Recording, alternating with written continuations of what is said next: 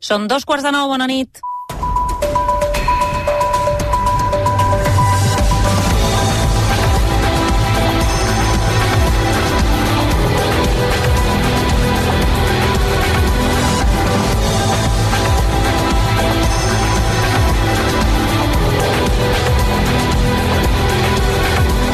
A RAC1 no ho sé, amb Anna Ballonesta.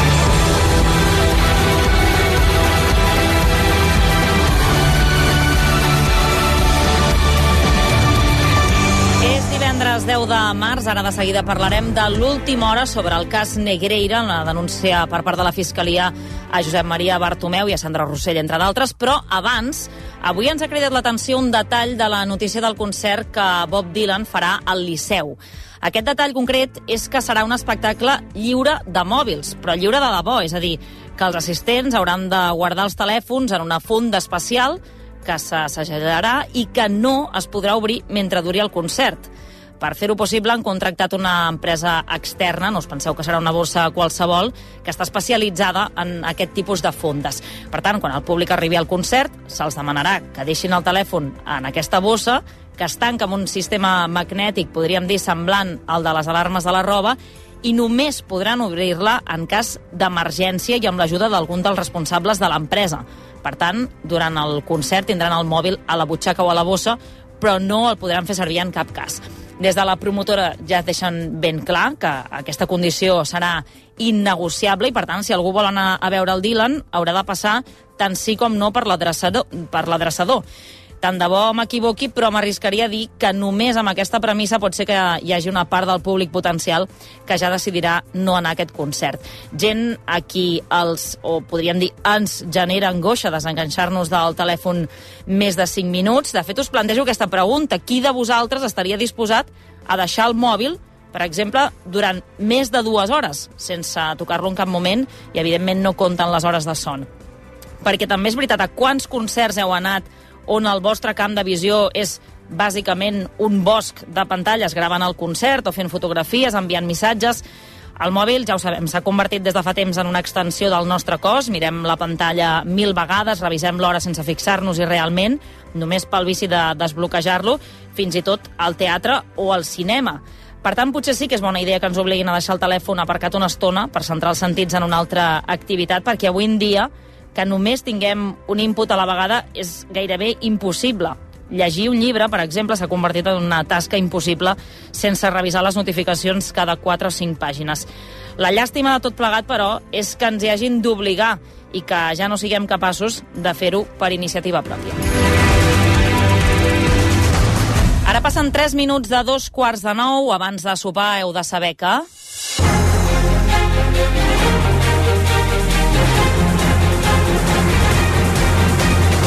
Doncs que la Fiscalia passa a l'atac i acusa el Barça d'actuar per tenir un tracte de favor en les decisions dels àrbitres. Aquesta tarda ha presentat una denúncia pel cas Negreira. Entre els investigats hi ha els expresidents Josep Maria Bartomeu, Sandro Rossell i el mateix Barça. La Fiscalia arriba a la conclusió que el club va pagar 7,3 milions d'euros a l'exvicepresident del comitè d'àrbitres entre el 2001 i el 2018. Més detalls, Marta Ramon, bona nit. Bona nit. La denúncia presentada al jutjat d'instrucció número 1 de Barcelona està dirigida contra el Barça i contra cinc persones físiques. L'exvicepresident del comitè tècnic d'àrbitres, José María Enríquez Negreira, dos expresidents del Barça, Josep Maria Bartomeu i Sandra Rossell, l'exdirector executiu del club, en Bartomeu, Òscar Grau, i l'exdirector d'Esports Professionals, també en Bartomeu, Albert Soler.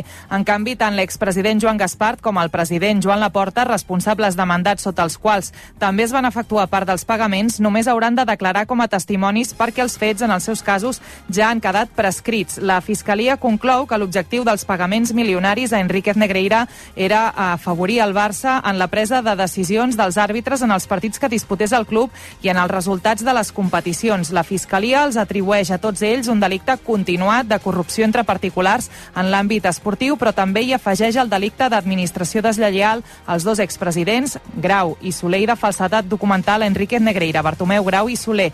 Tots els delictes impliquen penes de presó. La denúncia de la Fiscalia admet que es desconeix el destí dels diners que l'entorn de Negreira retirava en efectiu al llarg d'aquests anys. Això d'una banda, però és que avui també hem sabut que Josep Maria Bartomeu i la seva mà dreta, Jaume Masferrer, aniran a judici en aquest cas eh, pel cas Barça Gate. La jutgessa els asseurà al banc dels acusats per la querella, recordem, per, injur per injúries i calúmnies que va presentar Jaume Roures. Sí, aquesta és la branca secundària del cas Barça Gate que continua la seva fase d'instrucció. L'expresident del Barça i l'adjunt a la presidència s'hauran eh, eh, jutjats eh, per un delicte continuat d'injúries greus amb publicitat arran d'una querella presentada per l'amo de Mediapro, Jaume Roures. La titular del jutjat d'instrucció número 13 de Barcelona, Alejandra Gil, els imposa una fiança de 100.000 euros sota l'amenaça d'embargament dels béns en cas que no l'hagin dipositada en un termini de 24 hores. Roures va querellar-se com a resposta als missatges negatius contra la seva persona emesos per diversos perfils de xarxes socials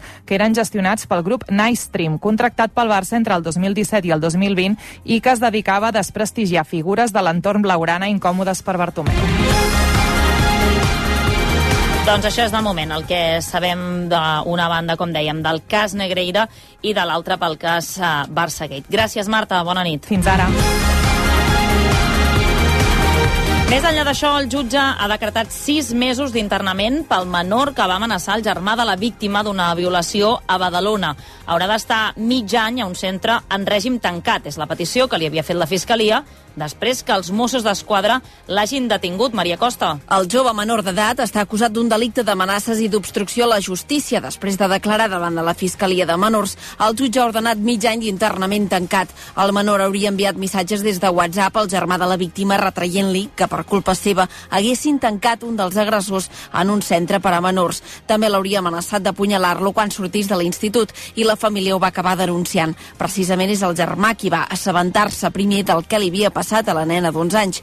Des que es va fer publicar el cas, el germà de la víctima va a l'institut amb escorta dels Mossos. A hores d'ara, cinc dels sis menors que van fer la violació estan identificats. Un està en llibertat vigilada i un altre està ingressat a un centre de menors. Els altres tres estan en llibertat perquè tenien menys de 14 anys al moment de la violació i, per tant, no poden ser imputats. I enmig del debat sobre si cal rebaixar l'edat penal perquè els menors de 14 anys siguin imputables, la consellera de Feminisme, Estania Verge, diu que no n'és partidària. Assegura que s'han de protegir també els nois i que cal saber si estan en situació vulnerable. Ho ha dit a Ràdio 4 una revisió d'aquesta llei doncs, estaria bé, anem a actualitzar-la, però tampoc confondre. I estem parlant de menors de 14 anys. El sistema està pensat perquè fins als 18 anys es pugui reconduir la situació d'aquest menor. Si nosaltres busquem més penalització, segurament els psicòlegs el que ens diran és que no aconseguirem res si a un menor el tanquem.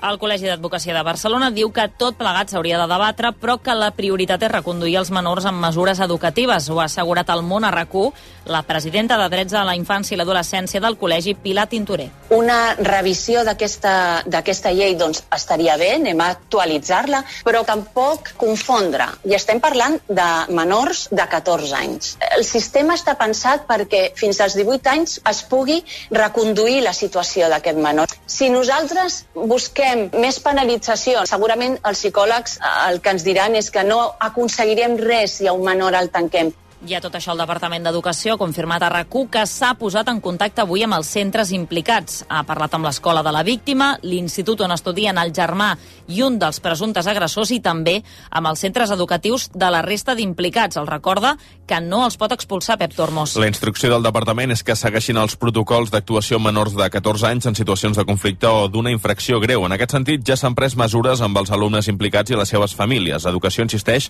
que la llei no permet fer fora dels centres als menors perquè són inimputables. Afegeix que s'ha assegurat que la víctima mantingui la màxima normalitat a l'escola i rebi atenció psicopedagògica. Avui en temps de tertúlia parlarem amb un, educació, amb un educador social que ha estat vicepresident del Col·legi d'Educadors Socials de Catalunya per saber com treballen i quin és el procés que segueixen en aquests centres amb els menors internats que han comès alguns delictes. I per cert que el jutge ha enviat a presó provisional i sense fiança, atenció també a aquest cas, un jove de 21 anys acusat d'agredir sexualment una nena de 13 anys a Vilanova i la Geltrú. Va passar fa 3 setmanes quan van quedar a través d'una xarxa social. Van trobar-se a l'estació de Sants de Barcelona. Tots dos van agafar un tren cap a Vilanova i la Geltrú per anar fins a casa del noi. Allà ell la va tancar a la seva habitació i la va agredir. A més, el noi va dir a la nena que si explicava el que havia passat seria encara pitjor. El detingut no té antecedents penals. 20 minuts per arribar a les 9. Els pirates del ciberatac a l'Hospital Clínic demanen un rescat de 4 milions i mig de dòlars, uns 4 milions 200.000 euros, a canvi de no publicar les dades que han robat. Així ho ha comunicat en les últimes hores els responsables del centre i també l'Agència de Ciberseguretat. Ara bé, el secretari general de Telecomunicacions de la Generalitat, Sergi Marcén, insisteix que no pensen acceptar cap xantatge. Ens han fet arribar una nota dient-nos que ens demanen 4,5 milions de dòlars per eh, alliberar i no publicar les dades que han pogut agafar. Segons el que ens han fet arribar, eh, com us vaig dir l'altre dia, no hi ha cap tipus de negociació amb ells i el govern no pagarà ni un cèntim per això. I com que no es pagaran diners, els Mossos reconeixen, això sí, que la probabilitat que publiquin les dades és alta. Per això s'estan preparant per bloquejar-la està en bon punt. Això passi, Laia Colomer. Els ciberdelinqüents van endur-se més de 4 terabytes de dades del clínic. Es desconeix quines són, però es dona per fet que és tal com diuen en les últimes hores. Els han fet arribar una imatge amb l'arbre del directori general de l'hospital per intentar demostrar que no van de farol. Tot i aquestes dades robades, l'Agència de Ciberseguretat assegura que el clínic no les ha perdut perquè hi ha còpies de seguretat. Per això el seu director, Tomàs Roy, avisa als pacients que no facin cas a cap missatge en què fent-se passar per l'hospital demanin dades. L'hospital no ha perdut cap dada. Les dades estan, per tant, no rebreu cap comunicació on es demanin dades. Per tant, és un indicador de si algú us truca o us demana per qualsevol mitjà dades amb l'excusa d'aquest incident, no, no, és, és fals. Ningú us demanarà dades perquè no s'han perdut dades. Roy també aconsella desconfiar de qualsevol missatge d'un número desconegut per molt personal que pugui semblar. I mentrestant els informàtics del Clínic i de l'Agència de Ciberseguretat continuaran treballant tot el cap de setmana per intentar que l'hospital pugui tornar a la normalitat a tot estirar dimarts de la setmana que ve. Avui encara només s'hi han pogut fer la meitat de visites a consultes externes i els tractaments de radioteràpia urgent s'estan derivant a altres hospitals. De fet, aquesta setmana el ciberatac ha obligat a ajornar 4.000 analítiques, unes 300 intervencions i més d'11.000 visites a especialistes. 3 minuts per 3 quarts de nou, els Mossos d'Esquadra i la Guàrdia Urbana de Barcelona investiguen qui hi ha darrere dels cartells que fan befa de l'Alzheimer de Pasqual Maragall, uns cartells que van aparèixer ahir a la tarda a les seus d'Esquerra i que carreguen contra el candidat Ernest Maragall. El partit analitza les càmeres de seguretat Sílvia Solanes. Van aparèixer a la seu nacional al carrer Calàbria de Barcelona i a la Federació de Barcelona, al carrer Consell de Cent. De fet, en aquesta seu militant del partit va veure ahir tres persones de mitjana edat penjant-los. El mateix Maragall ho considera un acte de violència política, ho deia el Monarracó. Això és una ofensa, no, no, no és el meu germà, evidentment ho és, o a mi mateix. És els centenars de milers de malalts d'Alzheimer que podem tenir en el país, al món, i que diguéssim, són utilitzats com a moneda de canvi per un atac polític de la pitjor manera. I a mi em sembla que això és, és el que és. Eh? Tots els adjectius són sobrers i són evidents. L'Ajuntament de seguida ha ordenat retirar els cartells. Tots els partits han fet costat a Maragall. Més coses, el nou sistema per calcular les pensions tindrà dos models que conviuran durant 20 anys. Incrementarà les pensions sobretot a les dones i suposa una pujada de les cotitzacions generals per tots els treballadors. El pacte del govern espanyol, tancat en Brussel·les, es negocia ara amb la patronal i els sindicats. Pedro Sánchez, avui des de Barcelona, deia que és la clau per assegurar la sostenibilitat de les pensions. Una reforma de pensiones que va a garantizar el poder adquisitivo de los pensionistas, va a reforzar la equidad, la equidad del sistema y finalmente lo que va a hacer es garantizar la sostenibilidad del sistema público de pensiones para las próximas décadas. Entre els detalls que es van coneixent hi ha un increment del mecanisme d'equitat intergeneracional que ja es paga des de l'1 de gener a les nòmines. Aquest percentatge, que ara és del 0,6%, anirà pujant progressivament. Des de Madrid, Roger Perciba. Bona tarda. Sí, de fet, pujarà una dècima l'any i es duplicarà, passant de l'actual 0,6 a l'1,2% l'any 2050. La quota de solidaritat pels salaris alts també s'incrementa un 1% al 2025 fins al 6% l'any 2045. Pugen les bases màximes de cotització, ara en 4.500 euros mensuals. Fins al 2050 augmentarà la suma de la tassa anual de l'IPC més un punt percentual. Per la vicepresidenta Yolanda Díaz, aquestes mesures garanteixen el sistema sistema de pensions. Con las medidas que hemos eh, desplegado, eh, tanto con eh, la cuota de solidaridad cuanto con el destope de eh, las pensiones máximas, vamos a irrogar mm, un, eh, una cantidad de ingresos al sistema mm, muy importante. Augmentaran les pensions mínimes, les no contributives i es pal·liaran les diferències de gènere per compensar el fet que les dones perceben pensions més baixes. El període de càlcul serà mix, 25 anys com fins ara o ampliar-ho a 29 amb la possibilitat d'excloure dos anys del còmput si aquests no han sigut bons. Doncs bé, la patronal adverteix que el pacte de les pensions en Brussel·les és inviable perquè diu que afecta les contribucions empresarials al sistema i també els sindicats diuen el contrari. També des de Madrid, Jordi Armenteres. Sí, les principals patronals, COE, CEPIME i el col·lectiu d'autònoms ATA, el que diu textualment és que mostren la més frontal oposició a tot el projecte i ho fan en un comunicat argumentant que tot provocarà una caiguda de salaris de tots els treballadors incrementant costos laborals i posant en perill la creació d'ocupació. Ho qualifiquen de proposta regressiva perquè suposa més anys de treball, més contribució i menys pensió. Els sindicats apunten que la base del document és bona, diuen per tant al contrari. Unai Sordo, de Comissions Obreres. Estamos ante un cambio en la orientación de las políticas de pensiones respecto a las reformas que se hicieron hace una década de una enorme trascendencia. En España las pensiones públicas son viables y pueden ser suficientes si se toman las medidas adecuadas sobre los ingresos del sistema de seguridad social. Però advertint que s'ha de negociar, per exemple, que el límit de la pensió siguin 50.000 euros, el més baix d'Europa, no té sentit. Dilluns que ve es torna a reunir la mesa de negociació amb el Ministeri de la Seguretat Social, amb sindicats i patronals. I en aquest context, Pedro Sánchez precipitarà una crisi de govern al llarg d'aquest cap de setmana o a tot estirar a principis de la setmana vinent. És el canvi de dues ministres que se centraran a partir d'ara en les seves candidatures a les eleccions municipals. D'una banda, la ministra d'Indústria, d'Indústria, Reyes Maroto, a l'Ajuntament de Madrid i també la titular de Sanitat, Carolina Dàries, a les Palmes de Gran Canària. Jordi. Sí, la intenció de Pedro Sánchez és completar la remodelació de manera ràpida per afrontar el proper Comitè Federal del PSOE, que és el dissabte de la setmana entrant, el 18 de març, amb el govern nou. Això ho expliquen fons del partit. En principi, la crisi de govern afecta només aquestes dues carteres, sanitat i indústria, però no es descarta que hi pugui haver més canvis.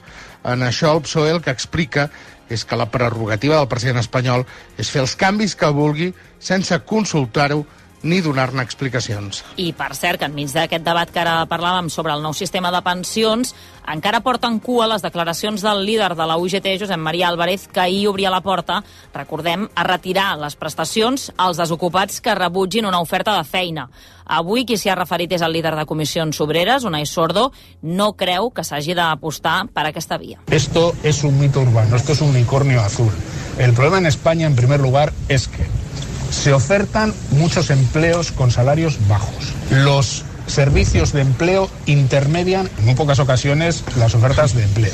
Y el problema en España tiene que ver con que la movilidad geográfica es muy difícil en un país donde el precio de la vivienda es un disparate i avui Josep Maria Álvarez s'ha volgut defensar, ha dit que s'han simplificat les seves declaracions i que en cap cas la idea és que retiri a ningú cap prestació.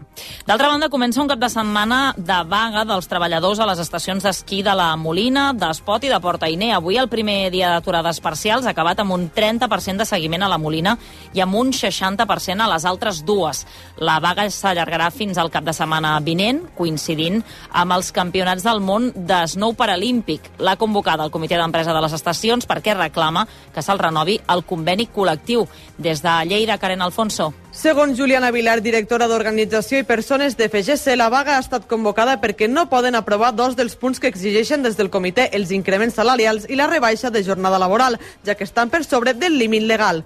Ara els demanen que es tornin a seure a la taula i puguin acabar de negociar el conveni col·lectiu abans que acabi la temporada. Eh, es farà la vaga aquesta, es farà la de la setmana que ve i haurem perdut un mes de negociació. I estarem pràcticament al final de temporada. Dius, ostres, no sé, jo per això intento convèncer-los de dir, escolta, tornem a la mesa. Les aturades parcials amb 220 treballadors adherits han paralitzat totes les instal·lacions d'Espot i Portainer, segons el comitè d'empresa. La Generalitat encara no té una solució pels clients que ja tinguin comprat el forfet. Depèn de l'afectació real que hi hagi durant aquests dies, se'ls farà algun tipus de proposta si fos necessari. I mentrestant al País Valencià, l'automobilística Ford acomiadarà més de 1.100 treballadors de la fàbrica d'Almussafes. Actualment, en aquesta planta hi treballen prop de 5.900 persones. Els treballadors que s'han n'aniran al carrer són víctimes de la transformació de la planta per la fabricació de cotxes elèctrics, un procés que requerirà menys treballadors. En espera dels elèctrics, la companyia ha decidit deixar de fabricar dos models de cotxes que es produïen a la planta valenciana i reduir dràsticament la càrrega de feina. I encara a València, atenció a la prova pilot que començaran el mes d'abril. Volen assajar com funciona la jornada laboral de 4 dies i avaluar l'efecte de treballar només de dimarts a divendres. Corresponsal de RACU a València, Neus Navarro. València aprofitarà el calendari festiu dels mesos d'abril i maig per a dur a terme un projecte pilot sobre la jornada laboral de 32 hores. Ho farà durant 4 setmanes i fer-ho a la primavera no és casualitat, ja que la ciutat ja tenia festa el dilluns de Pasqua, Sant Vicent Ferrer i el primer de maig, als quals va sumar la declaració del 24 d'abril com a festiu local. La idea va sorgir al maig passat i des d'aleshores l'Ajuntament s'ha anat reunint amb agents de la ciutat per a traslladar-los la proposta que busca avaluar l'impacte en la salut i el benestar dels ciutadans, del medi ambient o l'economia local. L'objectiu és establir un marc d'estudi que puga servir a altres ciutats i ho faran analitzant com afecta la mesura a la conciliació de la vida laboral i familiar, la qualitat de l'aire o l'hostaleria. Es preveu que els resultats estiguen disponibles al mes de juliol. 9 minuts per les 9, els pressupostos de la Generalitat ja són una realitat. El govern ha pogut aprovar els comptes aquest migdia amb el suport del PSC i dels comuns. Pere Aragonès ha aconseguit un valor d'oxigen per mantenir la legislatura i ho ha fet amb un canvi d'aliances des del referèndum.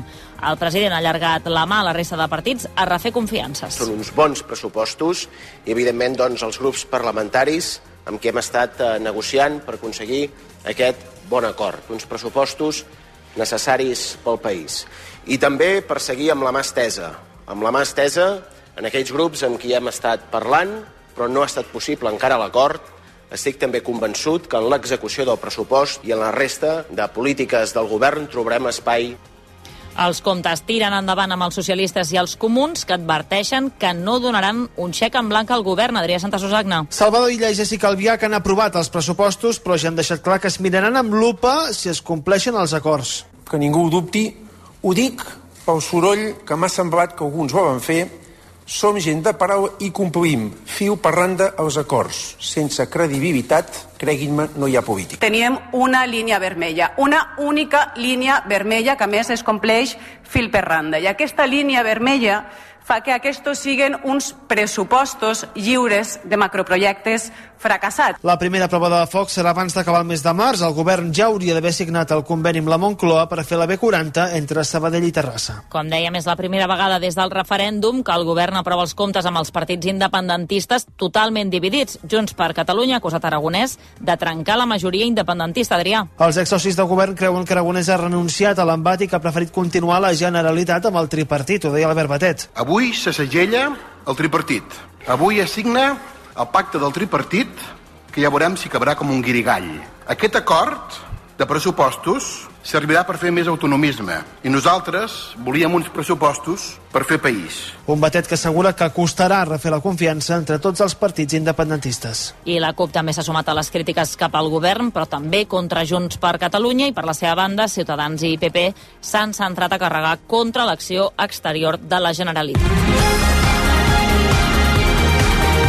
Foment del Treball preveu que a partir del segon trimestre l'economia catalana agafi velocitat de creuer. EAE Business School us ofereix aquest espai. La patronal també creu que la inflació baixarà al 2% l'any que ve. Si a finals d'any totes les previsions que revisaven era per empitjorar-les, ara passa tot el contrari. El secretari general adjunt de Foment, Salvador Guillermo, admet que es preveia un hivern més complicat pel que fa al sector energètic. Havíem assenyalat una certa preocupació pel que suposava eh, un hivern amb tensions als mercats energètics, tensions ja no només de preus, sinó inclús de subministraments que afortunadament no s'han donat. Cada vegada que es fa una nova estimació del que seria el creixement pels propers temps, el que es destaca és sobretot aquesta millora en les expectatives tot i aquesta millora de les previsions, la patronal continua demanant prudència pel que fa a les pujades de sous. Si vols canviar de vida i estudiar en una business school que lidera els rànquings, o canviar un pla de desenvolupament personalitzat, flexible i amb una xarxa de contactes potent, Work to Change. Entra a eaebarcelona.com i comença el canvi en una escola de negocis creativa, acollidora i innovadora. EAE Business School. We make it happen. 6 minuts per les 9, el judici a Meritxell Serret per l'1 d'octubre ja té data, serà el 29 de març. La Fiscalia li demana un any d'inhabilitació per desobediència greu. El Tribunal Superior de Justícia li ha comunicat avui la data. Ni el president del TSJ, Jesús María Barrientos, ni el magistrat Carlos Ramos participaran en el tribunal perquè s'han apartat de la causa. La consellera d'Acció Exterior assegura que el judici no la farà renunciar a la independència. La repressió no matura, seguiré i segueixo compromesa amb el projecte republicà, el projecte independentista, convençuda i amb la consciència molt tranquil·la de que és un projecte legítim, de que és el més útil a la ciutadania. Recordem que Serret era consellera d'Agricultura durant el referèndum. Fa dos anys va tornar de Bèlgica quan el Tribunal Suprem li va confirmar que no l'acusarien ni de malversació ni de sedició.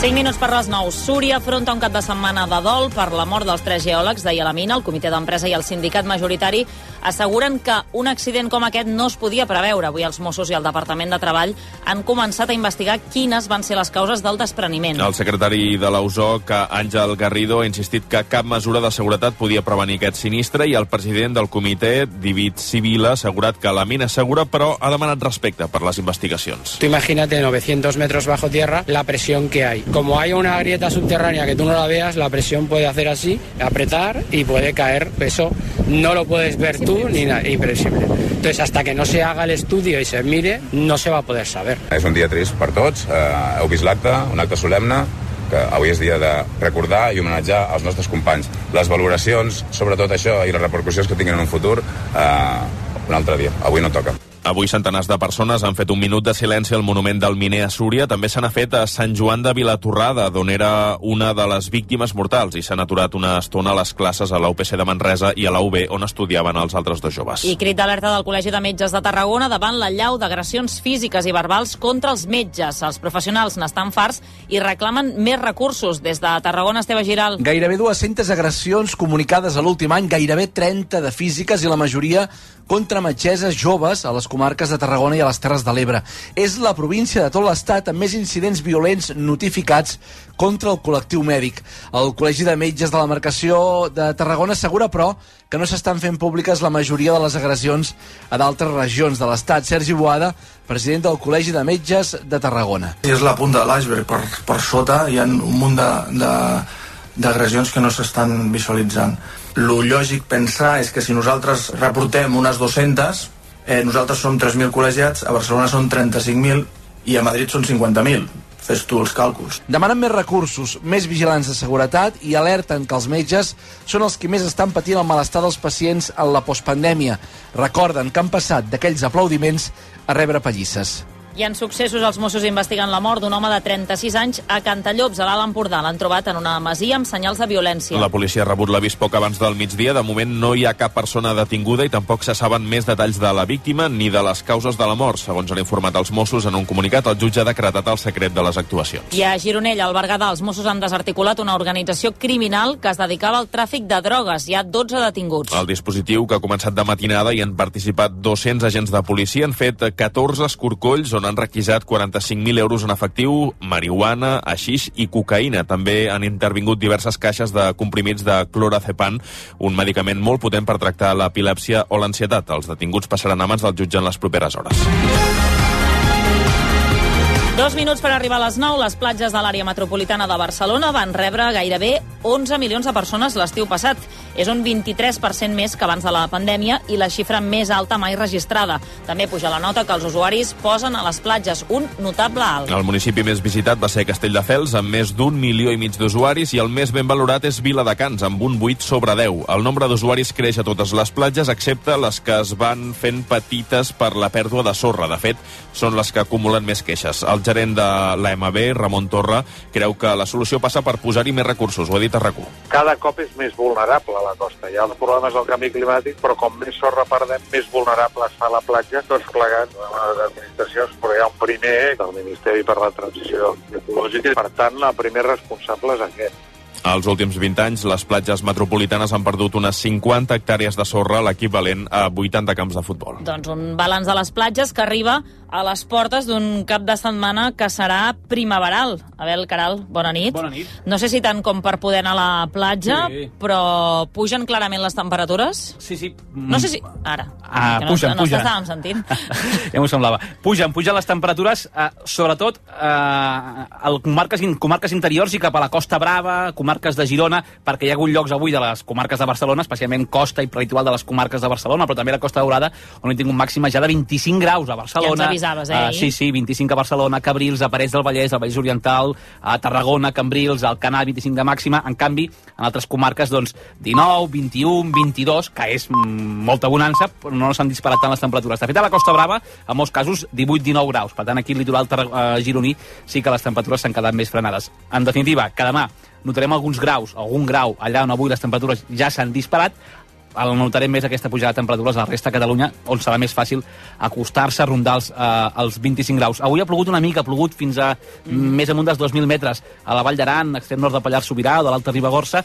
Eh, això anirà menys a les properes hores, però demà a partir de mig matí i al llarg del migdia tarda pot tornar a ploure per sobre, fins a uns 2.000 metres o una mica més amunt en aquests sectors de, del país. A la resta, un dia eh, encara ventós, sobretot a les comarques de Tarragona i Lleida, també molts sectors de les de Barcelona, avui cops de 60, 80, 90 km per hora. Demà fluixa una mica, però encara en aquests sectors del país el vent es deixarà notar i les matinades poc fredes, eh? eh fins i tot bastant suaus a prop de la costa. Diumenge pot recular una mica el termòmetre, però igualment un migdia molt suau i ja sense vent. Encara al matí sí, cap al sud del país, però a partir de primeres hores de la tarda aquest vent anirà desapareixent. I diumenge, com a novetat, perquè estem dient que aquestes temperatures que poden arribar en molts casos als 25 graus, diumenge, sí. en molts sectors de la costa, també del prelitoral central, sud de les comarques de Girona, aquí recularan de manera clara les temperatures i passarem de rondar els 25 a moure's entre els 15 i els 20. Per tant, mm, tinguem en compte que a prop de mar diumenge reculen les temperatures, però en definitiva un cap de setmana suau i massa temperat. Fins i Per tot tant, el, el dia més calorós seria aquest dissabte, en màximes Exactament. que poden arribar fins als 25, eh? 25, puntualment superar-se els 20, arribar als 26, ja veurem si 27 en algun sector de la Catalunya central, de Ponent, de l'interior de les comarques de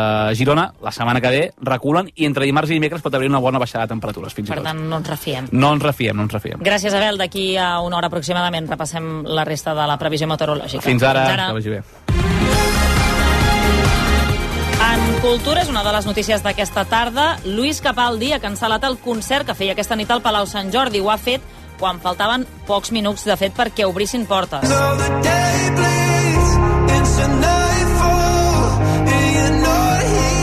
En un vídeo que ha publicat a Twitter, el cantant britànic explica que no pot actuar per una bronquitis que li impedeix cantar. Diu que ha volgut esperar fins al final i que també cancela el concert a Madrid de demà. Malauradament he de reprogramar els concerts de la gira europea, és a dir, Barcelona aquesta nit, Madrid demà i també Múnich i Stuttgart la setmana que ve. Els metges em van dir que tenia bronquitis després de perdre la veu. Pensava que estaria millor i per això he volat fins a Barcelona, però la meva veu no s'ha recuperat. My voice was just. Com dèiem, la promotora Live Nation ha anunciat la cancel·lació pocs minuts abans de l'inici del concert, cosa que ha provocat la indignació de moltes persones que eren de camí cap al Sant Jordi, o alguns fins i tot que feia hores que hi feien cua. Des del Palau Sant Jordi, Anna Salvador. L'anunci ha pres per sorpresa a fans del cantant que creuen que la cancel·lació del concert s'hauria d'haver anunciat amb més antelació, sobretot tenint en compte que moltes persones portaven hores fent cua o fins i tot havien viatjat expressament pel concert. Hem vingut de Dublín, Irlanda, aquest matí. Estem una mica decebuts, però està malalt. Anirem al concert quan es reprogrami. També teníem previst anar al concert de Madrid de demà, però també s'ha cancel·lat. Cancel so. El Lewis ha sortit a fora i ens ho ha dit i llavors s'ha fet fotos amb naltros, ens ha firmat superbé i supermaco i clar, estava sense veu. Jo ho entenc, però crec que hauria d'haver fet amb més temps, no dues hores abans del concert. De moment no hi ha noves dates del concert. RACU s'ha posat en contacte amb el Departament de Comunicació de la gira de Capaldi i asseguren que tots els afectats tenen un correu electrònic amb les instruccions per poder recuperar els diners al llarg dels propers dies. També diuen que han volgut esperar fins al final per veure si la veu del cantant millorava. I d'altra banda, en marxa aquesta hora la gala d'inauguració del Festival de Cinema de Màlaga. A partir d'avui, fins al 19 de març, la ciutat andalusa es converteix en un dels aparadors principals del cinema espanyol i les produccions catalanes hi aterren amb força. Fins a 8 pel·lícules catalanes competiran per la Biznaga d'Or, entre les quals el més nou de Sílvia Munt o 20.000 espècies d'abejas, premiada a l'última edició de la Berlinale. Enviada especial de rac a Màlaga, Maria Cusó. Els crits dels fans han tornat de ple al cor de Màlaga. La catifa vermella prèvia a la gala gala d'inauguració ha estat un desplegament de flaixos i mòbils alçats que volien capturar algunes de les estrelles que hi desfilaven. Entre elles, Emma Suárez. La veterana actriu protagonitza Alguien que cuide de mi, una pel·lícula de Daniela Fegerman i Elvira Lindo que explica la història d'una nissaga d'actrius que conviuen amb l'èxit de manera desigual. Una relació complicada que es veurà afectada per la malaltia i pels secrets guardats. En parlava Suárez de Racó. Yo creo que todos echamos falta en algún momento alguien que cuide de nosotros, ¿no? Muchas veces convives con personas, eh, con la familia y, y- y aparentemente serían con los que más conectado tendrías que estar y muchas veces son de los que más reclamas su, su atención, ¿no? L'altre gran protagonista de la nit aquí a Màlaga és Rafael, que abans de la projecció ha rebut una biznaga d'honor per la seva trajectòria cinematogràfica. El cantant, de quasi 80 anys, ha confessat que té ganes de tornar a fer cinema. I parlant de música, Bob Dylan confirma dos concerts a Barcelona per Sant Joan.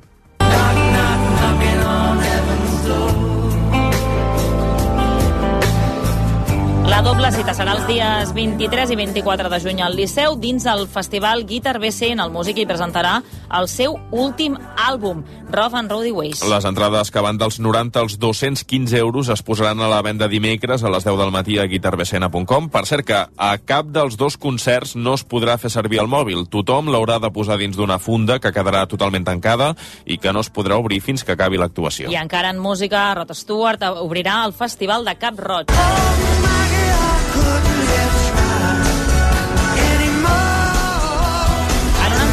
aquest matí al Món Arracó, el director del festival, Juli Guiu, ha explicat per què han fet tornar el músic britànic al festival. Va venir el 2015, va ser un superèxit, feia 8 anys que no tornava i no sabem quan tornarà. Per tant, és un gran opening. De fet, el cap de setmana, divendres, dissabte i diumenge, és brutal. Divendres amb Rod Stewart, ara Malikian dissabte i Sebastián Yatra el diumenge amb l'única actuació a Catalunya. En total, la 23a edició de Cap Roig tindrà 23 concerts, Bàrbara Padilla. Del 14 de juliol al 19 d'agost, el festival comptarà amb Stewart, però també amb altres caps de cartell, com Simply Red, Nora Jones, Mika, Ara Malikian i Sebastián Yatra. També aterraran a Cap Roig noms com Sílvia Pérez Cruz, Pablo Alborán, els catarres Joan Dausà i David Bisbal, que tancarà el festival. Pel que fa a la programació infantil, el festival inclourà espectacles de Damaris Gelabert i el tribut al musical del Rei Lleó de Simba a Kiara.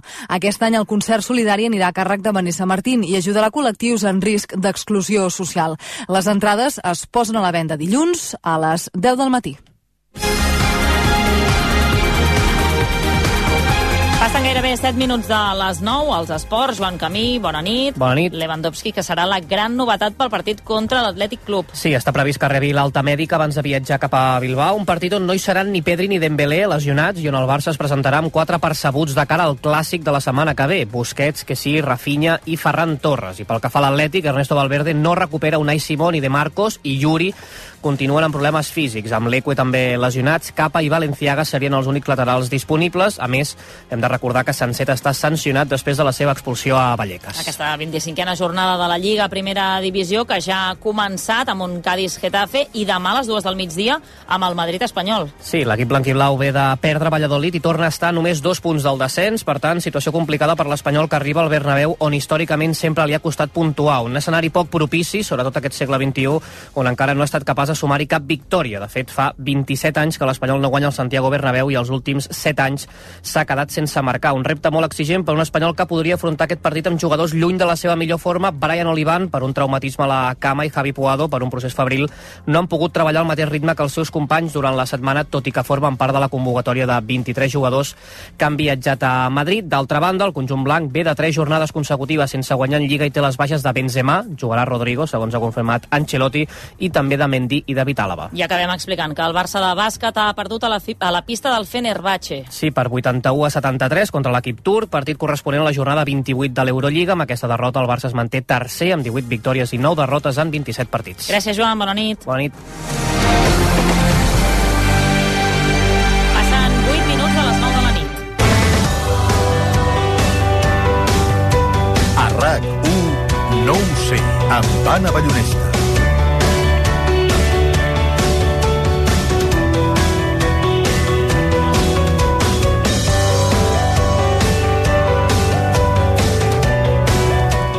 Comencem aquí la tertúlia d'aquest divendres, 10 de març, avui amb la Sílvia Cànovas, periodista consultora en comunicació. Sílvia, bona nit. Hola, bona nit. Tal, com estàs? Molt bé. El Silvio Falcón, politòleg. Bona nit, Silvio. Bona nit. El Camilo Vaquero, periodista del diari El País. Hola, bona nit, nit. Camilo. Quants dies Què tal? sense veure't? I tant, i tant. I l'Astrid Barrio, professora de Ciència Política a la Universitat de València. Bona nit, Astrid, també. Molt bona nit. Um, ara de seguida parlarem d'aquestes novetats uh, que hem explicat a, a l'inici del sumari del cas Negreira, però abans ens ha cridat mm, força l'atenció aquesta notícia que acompanya aquest concert, aquest doble concert de, de Bob Dylan a, a Barcelona, al Teatre del Liceu, i és que no es podrà... Bé, sí que es podrà accedir amb telèfons mòbils, és a dir, expliquem-ho bé, es podrà accedir amb el telèfon mòbil, però tothom que compri l'entrada estarà obligat a dipositar el telèfon mòbil dins d'una funda que es tenca doncs, amb un sistema que és magnètic, que mm, per entendre-ho d'alguna manera és com el de les alarmes de la roba, tu no el pots desenganxar de, de cap manera si no és amb un aparell específic, i per tant durant tot el concert ningú podrà treure el telèfon mòbil d'aquestes bosses si no és per, per una emergència. I us volia preguntar, eh, primer, quanta estona sou capaços d'aguantar sense mirar el telèfon mòbil i no compta les hores de dormir. Mira, el Camilo, gens. Ni, no, és que està, ni... està, no, estava buscant perquè em sona, em sona, no, em sona, em sona un Està antecedent la tertúlia ara. Un antecedent d'això i és el concert de Madonna, Sí. l'última gira, també feia fer això posar el telèfon dins d'una borsa. Estava intentant mirar-lo Però- per, per no, eh, Excusa, per no dir mentira. No és veritat, és en sèrio. Perquè és veritat que cada vegada que vas a un concert o a un, o a un event, la sensació aquesta de tots els mòbils ahí davant i tu no pots disfrutar el que estàs veient... Però tu, Camilo, ets dels que eh, no el treus en un concert? Si me ho pos, no, si me, si me poso la, no, jo en els concerts no, No. perquè és veritat que m'inter- és a dir, penso en el que vull viure i la, la, el record. També després, crec que és- perquè crec que sí. és, estúpid pensar que vas a gravar això i després ho miraràs. No lo miraràs. Gent, Això gent del món, gent tot- del món. això tens tota la raó. Gravareu tot, però mai més mirareu això, així com no veieu les, teves, les vostres fotos de la primera comunió, les vostres fotos del... del I això encara, número u, perquè si tens etcètera, un etcètera. àlbum a casa dels pares que, mira, un dia es treu, però els vídeos dels concerts... Però el que jo crec que això- és una baralla perduda, a menys en que se posen medides aquestes restrictives, que bueno, em semblen, no em semblen del tot, del tot malament, eh, però de totes maneres, mm, bueno, a veure la, la gent que fa. I responent a la teva pregunta... Sí, anava a dir, a veure, em respon-me, poso- sisplau, No, sí, que no, per exemple, una, una, de la, una de les coses que, que, que he decidit per dese- desenganxar-me és dues hores abans d'anar-me al llit, és a dir, tipus 10 de la, de la nit, eh, només, només telèfon. Sí, i ho lo po- aconsegueixes, i lo dues lo hores poso- abans. Sí, lo poso en modo avió Sí. i ja està. O sigui, no tinc la tentació d'escoltar, de veure que la pantalla s'encén... Quant temps fa que ho fas, ja això? serveix. Des de després de la pandèmia. Oh, Déu-n'hi-do. I t'ha funcionat, eh, fins ara? Funciona, funciona. I Això el i una opció que té el- l'iPhone de posar la, la pantalla més opaca Sí. eh, després d'una hora que tu determinis i això el, el, el llum ser menys brillant, diguéssim, és més atractiu per tu. Mhm. I funciona. I et va generar una certa angoixa els primers dies de fer-ho? O... I tant, i tant, sobretot per temes de feina, és a dir, perquè diguéssim que a aquesta hora són hores de... bueno, D'activitat en els diaris, eh? mm, Complicada i tal, però bueno, nos hem organitzat de cara que tot esté més o menys organitzat i tal. O sigui que le ruego a algun polític català que si es vol morir, no es mori de nit perquè faria les coses molt malament. Gràcies. Pensava que anaves a dir que, que no enviï un comunicat o... No, no, no, no, ja està. no, no, no, ja està. Les dimissions de dia, Les no? Dimissions de dia, exactament. Home, això estaria bé. Clar. A veure, segueixo la roda. Sílvia, tu tens calculat més o menys quanta estona ets capaç d'estar sense mirar el telèfon mòbil? Mm, Jo no ho he calculat, però, però eh, jo, jo, jo sóc molt sincera i jo no estic pendent del mòbil eh, tota l'estona. Jo puc estar treballant amb el mòbil al costat eh, al despatx o a casa i oblidar-me que tinc el mòbil. Sí, eh? Bueno, perquè les meves eines de feina també les tinc a l'ordinador. És a dir, jo, per exemple, les xarxes socials... Clar, si tens el WhatsApp Twitter- web obert al... No, el WhatsApp no, eh? Ah, anava a dir, no, llavors és trampa. No. Jo, no, perquè jo treballo molt amb xarxes socials o amb correu electrònic. Eh, I una cosa que faig com el Camilo, però sense haver-m'ho proposat, és com que a mi m'agrada molt de nit llegir, eh, jo ho tinc tot en silenci, sempre, eh? Mhm. Sempre. A mi no em sona mai res. Eh, vaig jo a buscar el telèfon quan, quan vull mirar alguna cosa. Home, si em truquen, llavors ho veig. Eh, totes les nits, sí que és veritat que quan cap a tres quarts de deu ja el deixo carregant-se, llavors és l'estona que jo llegeixo, És que abans t'anava a preguntar... però tu- jo me n'oblido, eh, del telèfon. Jo no és en plan, Val. deixo el telèfon. Tu que no. llegeixes molt, Sí. uh, ets capaç de llegir el llibre, per tant, sense estar mirant el mòbil, eh? Eh, ho- jo redoblo l'apuesta. Jo m'he arribat a posar, per no molestar, la llanterna del mòbil que em faci del llibre Sí? O que, que, que faci de llum per... Que, que faci de llum el llibre, perdoneu, i, i, i tal qual acabo el llibre, tenco la llanterna i tal. I el mòbil he pogut tenir aquí davant, davant meu do, una hora llegint, No, és no, que m'esteu no, m'esteu no... sorprenent, la veritat. A veure, Astrid. No, jo no. Jo no tinc... M'ha costat una mica el micro. La veritat és que jo mm, començo a pensar que tinc alguna mena d'addicció. Sí, sí, ho reconec obertament. I és molt difícil quan tens fills eh, yeah. combatre això quan tu Clar, com acabes els dius que no ho facin acabes ells, no? tenint els mateixos, els mateixos hàbits. És clar, es barreja, no? La feina, la, la, la curiositat, vull dir, el, el... t'enganxes, t'acabes enganxant i aleshores és difícil. Jo reconec que darrerament eh, estic intentant fer un esforç important per mantenir la concentració, sobretot de cara a escriure. O sigui, per Mhm. escriure necessites eh, desconnexió i jo ara he de fer... Però em suposa un esforç haver de deixar durant dues hores eh, el mòbil per estar concentrada llegint o, o escrivint. I no sé si et passa que... A mi em passa, eh? per, això, per això ho dic, que desbloqueges el mòbil com instintivament o, Sí, sí, sí, o sí. automàticament per mirar res, simplement ja tens una notificació. No. El que sí que, Tornes que sí a que tinc desbloquejar un altre cop. desactivades, ah, sí, això sí. Les tinc notificacions. tinc No, les jo també ho tinc desactivat, i el so per i tot, eh, però- Però que, em- que em, costa, em costa molt, o sigui, deixar... I, per tant, mesures d'aquestes que t'obliguin, ho veig molt sa. La veritat és que crec que pot ser una bon, un bon mecanisme. però a més, és que no és molt molest. No diré que, ho- que, que ho facin, eh? Feta la llei, feta No. la trampa, pots portar dos mòbils Sí, i veure sí, un. esclar. Però llavors això ja és gent que va expressament Però a gravar. que hem dit avui a la redacció. Mena, però amb aquesta mena de coses, jo, per exemple, el que no utilitzo mai és el mòbil per gravar, per fer fotos... O sigui, això no, no em crida gens l'atenció. I reconec que em molesta moltíssim quan estàs veient alguna cosa, quan estàs amb algun event, quan estàs amb els nanos, no?, veient, i, i tens allà la gent que et tapa doncs, amb les pantalles, no?, que dius, escolta, deixa'm... I, I al final també acaben havent-hi bronques entre els que Sí, porten sí. i els que no en tenen. A veure, Sílvia, ara t'ho pregunto, però és que el Camilo que- està que aquí... A veure, a veure. no, que Què passa? Que, que, Madonna, Madonna. Madonna. Madonna. Madonna, 2000, la gira de Madonna 2019, i és un sistema que d'una empresa estadounidense que, dels Estats Units que també lo permet utilitzar per judicis i per És que crec que deu ser la mateixa empresa Jonder. perquè... Exacte, doncs és la mateixa que també farà aquesta acció al, al Teatre del Liceu dins d'aquest uh, festival del Guitar BCN en aquest concert de, de Bob Dylan. Sílvia, tu què? A veure, A veure, jo sorprendràs també o... Mm, jo estic addicte, com jo Sí, crec, eh? com la major part de la població. Eh? Com aquesta meitat de la taula, de mi Sí, cap a hi ha l'esquerra. gent que no ho Utilitzo molt, eh? reconeix. Però puc desconnectar. Que eh? Estona, sí. Ah, no, quan me poso, me poso, eh? Ah, clar, no, és evident, clar. O sigui, tu desconnectes a les 10, però abans allò compulsivament. O sea, de, de, 8 del, de 8 del matí a 10 de la nit, això no t'imagines el fum, el, el treu No, fum, doncs això. jo faig trampa. És, és cert que el WhatsApp web jo crec que és el gran placebo, diríem, per, per no mirar el telèfon. Sí. Llavors, si tens el WhatsApp web, a mi les xarxes socials doncs, potser no les miro en hores, eh, 4, 5 hores, tranquil·lament, però clar, tens el WhatsApp web, potser entres a Twitter un segon i amb això eh, pots passar hores i hores. Sí que és cert que eh, l'addicció jo crec que es demostra quan surts d'una reunió i veus que tens 30, 40 mm. whatsapps, una reunió d'una hora, no és més. Llavors deu, dius, ai, he de mirar... eh, Aquella addicció es demostra allà. A mi el tema dels concerts em sembla mm, malament que hi hagi tot de gent fent vídeos com si fos, eh, no sé, com si se'l gravés en, en 4K per posar-se al cap de setmana, però bueno, fer un vídeo per tenir un record no està malament, que igual el mires. Però quan ho mires? Quan? Però Quan, igual, quan vas al lavabo? Madonna està bé tenir el vídeo... No, no, el que no és que me da... O sigui, potser O- no o el sé. Rolling Graves Stones. per penjar una story i després ja el Ja pots està. esborrar. Bueno, però això passa Jo a, soc- a, jo la, a les jornades castelleres és, és, és impressionant, vull dir, no, ningú mira els castells Puc dir una cosa? És que directe, eh? m'ho estic Hola, Marta. és que, mira, La jo... Marta ara ens explicarà les novetats del cas Bona nit, però- és que jo Digues, Marta, no endavant. suporto anar a concerts i tenir gent a davant amb els braços aixecats gravant absolutament tot, el Tot. concert Ah, del això, davant. ja M'ha passat. Però no moltes creieu vegades. també- I jo tinc ho ganes en- d'arrencar el mòbil, el braç i la persona eh, a escales Però, avall, Marta, perdoneu, eh, per la contundència. Totes?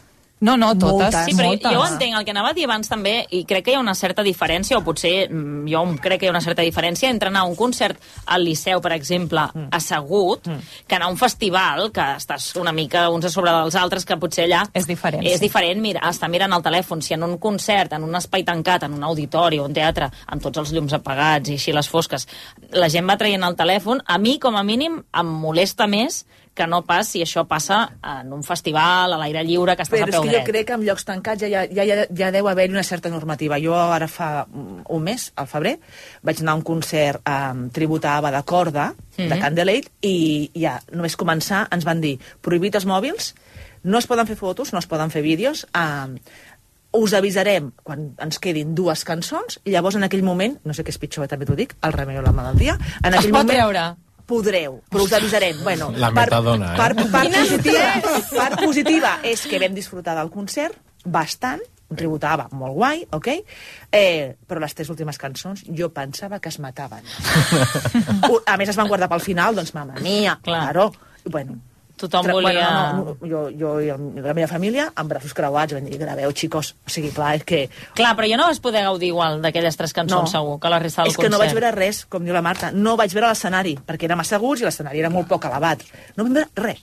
Sentia, bueno, que és música, doncs mira, ja l'escoltes i, i endavant. Clar, jo, jo el que deia abans al, al principi del programa és que, a veure, és una mica trist que ens hagin d'obligar, no? Que, que això d'haver d'amagar el mòbil ens vingui imposat per una Però la- obligació. L'autoregulació no sempre funciona. Però, és clar, tant, no sé si veieu com un bon sistema que generalitzi això de posar els mòbils a dins d'una funda segellats amb un sistema magnètic i que no el puguis obrir tu de cap manera fins Home, que surtis. això tampoc caldria, però el que caldria és que fóssim tots una mica més raonables Sí. i, Sí, i, i, tenint i en no tan compte friquis que- d'estar gravant tot uh, un concert a les des que diuen good night i diuen bye bye. Perquè necessitaràs una altra vida classe. per Home, veure-ho. és que I el tenen prohibit, i el treuen i el deixen concert. damunt de la taula a un concert. Camilo, què? No, jo he de dir que l'experiència professional, des de fa un temps ençà, eh, ningú vol parlar si hi ha un mòbil a la taula. Per les reunions, vols dir? Ah, bueno, però I per entrevistes... per- per- no, no, és, és a dir, que jo crec que el mòbil... o tema, sigui, eh, eh, obro, el, obro el zoom, no? Obro, Sí. obro l'objectiu. És a dir, que, que el telèfon és una, és és una eina i també pot ser una, una arma i pot ser moltes coses. És a dir, que no... Jo crec que cada vegada som més conscients de lo que tenim entre mans. Jo dic el telèfon, eh? eh Eh, perquè no només això, també és el, el, el rellotge intel·ligent, eh, etc etc etc. O sigui, el, món- el, tots aquests gadgets que tenim a sobre, de totes maneres, eh, bueno, mm, jo crec que cada dia som menys conscients de, de, Com de la vulnerabilitat que també això implica i com ens condicionen. Mira, em diuen que en alguns uh, festivals als Estats Units, alguns festivals de música, uh, el que han fet és habilitar una zona on ningú pot fer servir el telèfon mòbil, per tant, aquella zona està restringit el seu ús, però les entrades són més cares. Pues clar, no sé fins a quin punt mm, pagar més perquè no... És que, clar, al final fan negoci de tot, no? Pagar més Bueno, perquè no et molestin en el concert. Que em faltava no, és com el vagó del silenci del tren, no? Sí. Que també val més car. No, clar. Mare, mare Sí. I si tens Però sort te fan silenci, eh? No, Perquè... pagar per estar tranquil. Això hauria de ser al revés, eh? Però hi ha inhibidors, no? Hi ha unes coses Sí, que fan. i clar, tant. al final, I tant. això ho facilitaria tot, no? Però per gravar no necessites, no pots gravar igual. Ah, bueno, Clar, l'inhibidor, per- ximpum, és per parlar o... Bueno, segur que algú s'ho pensa, això. eh? Per mi, la cosa més que, diguéssim, com representativa d'això és un, la, la gent que es fa un selfie amb la Mona Lisa. És a dir, i, i, si mira, no, i si mires imatges, i, i si mires imatges de quan van, quan van reobrir el Louvre, era un munt de gent fent-se un, una selfie con la Mona Lisa. Que Sí. jo lo del concert lo puc entendre. Lo de Madonna ho puc entendre, evidentment. Jo, jo ho faria.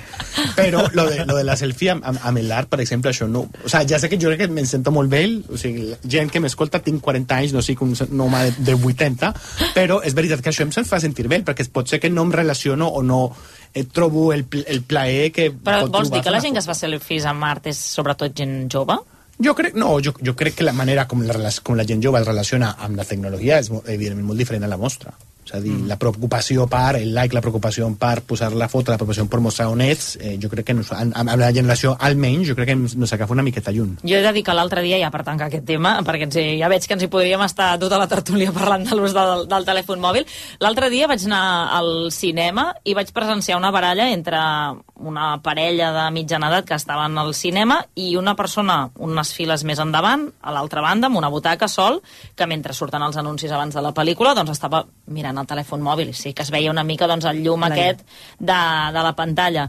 I quan estava a punt de començar la pel·lícula, que ja li van cridar l'atenció d'alguna manera, no apagava el telèfon, quan va començar la pel·lícula, bueno, hi va haver una, una discussió que apagués el telèfon, però hi va haver crits, eh? Vull dir, jo em pensava, Jo- jo dic, no podrem veure l'inici de la pel·lícula perquè s'estan barallant pel mòbil aquí a dins del cinema. Vull dir que potser també s'hauria de controlar alguna vegada, perquè això sí que és més molest, en una sala Home, totalment fosca, que algú tingui la pantalla del I mòbil. es fa molt, eh? Vull dir, i, i als cinemes, bueno, hi ha un codi bastant acceptat, però cada vegada hi ha més gent això, no? L'addicció a consultar o les xarxes o el WhatsApp, no tant a gravar, eh? però a mirar-ho, i és molt molest. Jo amb això mm, em sento d'acord? molt identificada amb aquesta parella i amb la reacció.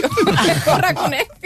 En fi, va, avancem una mica. Falten ara eh, 7 minuts per arribar a dos quarts de 10 de la nit i, Marta, ja no cal que et saludi. Bona nit de nou. Sí, sí. Eh, perquè Estem aquí a tope. Exacte. Dèiem que avui hem tingut novetats sobre el cas Negreira. De fet, ho hem explicat fa una estona al sumari. Eh, la Fiscalia acusa el Barça d'haver comprat els àrbitres i per això aquesta tarda s'ha sabut que ha presentat aquesta denúncia, entre d'altres, contra els expresidents Josep Maria Bartomeu, Sandro Rossell, també el mateix club, contra el Barça. La conclusió en general de la Fiscalia és que eh, el Barça hauria pagat 7,3 milions d'euros a l'exvicepresident del comitè d'àrbitres entre els anys 2001 i el 2018 perquè els afavorís amb, amb aquests arbitratges. Marta, explica'ns una mica què suposa aquest pas que ha fet avui la Fiscalia en, en aquest cas. Doncs suposa un pas més cap a la judicialització del cas, que fins ara sabíem, sobretot a nivell mediàtic, que s'estava investigant, però que encara no s'havia solidificat amb noms i cognoms concrets. A més, ara ja sabem de quins possibles delictes exactes es parla, o es comença a parlar. La Fiscalia conclou que l'objectiu dels pagaments eh, milionaris a Enriquez Negreira era afavorir el Barça en la presa de decisions dels àrbitres en els partits que disputés el club i en els resultats de les competicions. La Fiscalia atribueix a tots els acusats un delicte continuat de corrupció entre particulars en l'àmbit esportiu, però també hi afegeix, eh, hi afegeix el, el delicte d'administració deslleial als dos expresidents, Bartomeu i Rossell, i els executius Òscar Grau i Albert Soler, i de falsetat documental a Enríquez Negreira, Bartomeu, Grau i Soler. Tots els delictes impliquen pre, eh, penes de presó. Um, per qui vagi una mica perdut amb tot això, no? perquè ara fa com molts dies que anem sentint cas Negreira, no? novetats per aquí, novetats per allà. Mm, Fes-nos allò, 5 cèntims, de, per, perquè ens situem tots una mica de com va començar tot plegat. El cas salta a la llum pública perquè el destapa la cadena SER el dia 15 de febrer, al migdia, i a partir d'aleshores cada cop se'n van sabent més detalls. El que s'investiga és un període molt ampli de la història del Barça, del 2001 al 2018, que engloba presidents de diversa ideologia i que s'han tirat els plats pel cap entre ells, però que tots van pagar sumes elevades de diners a l'exvicepresident del Comitè Tècnic d'Àrbitres, José María Enríquez Negreira, per, segons diu la Fiscalia, sortir afavorit de les decisions arbitrals. En la seva única declaració a l'agència tributària, que és a partir d'on es comença a estirar el fil de tot plegat, Negreira va assegurar que va ser contractat perquè el Barça volia garantir-se arbitratges neutrals que no el perjudiquessin. Concretament, en el període investigat, sense que els fets no hagin prescrit, Negreira va percebre 1,2 milions d'euros entre el 2014 i el 2015 a través d'una empresa que, que es diu Nilsat i uns altres 1,6 durant el període entre el 2016 i el 2018 a través de l'empresa Desnil. Els comptes de les dues empreses es nodrien pràcticament en la seva totalitat dels ingressos procedents del Barça que eren retirats en la seva majoria mitjançant xecs al portador. La denúncia de la Fiscalia també admet que es desconeix el destí dels diners en efectiu. Cap a on anaven a parar els diners, aquest fil encara no s'ha pogut demostrar.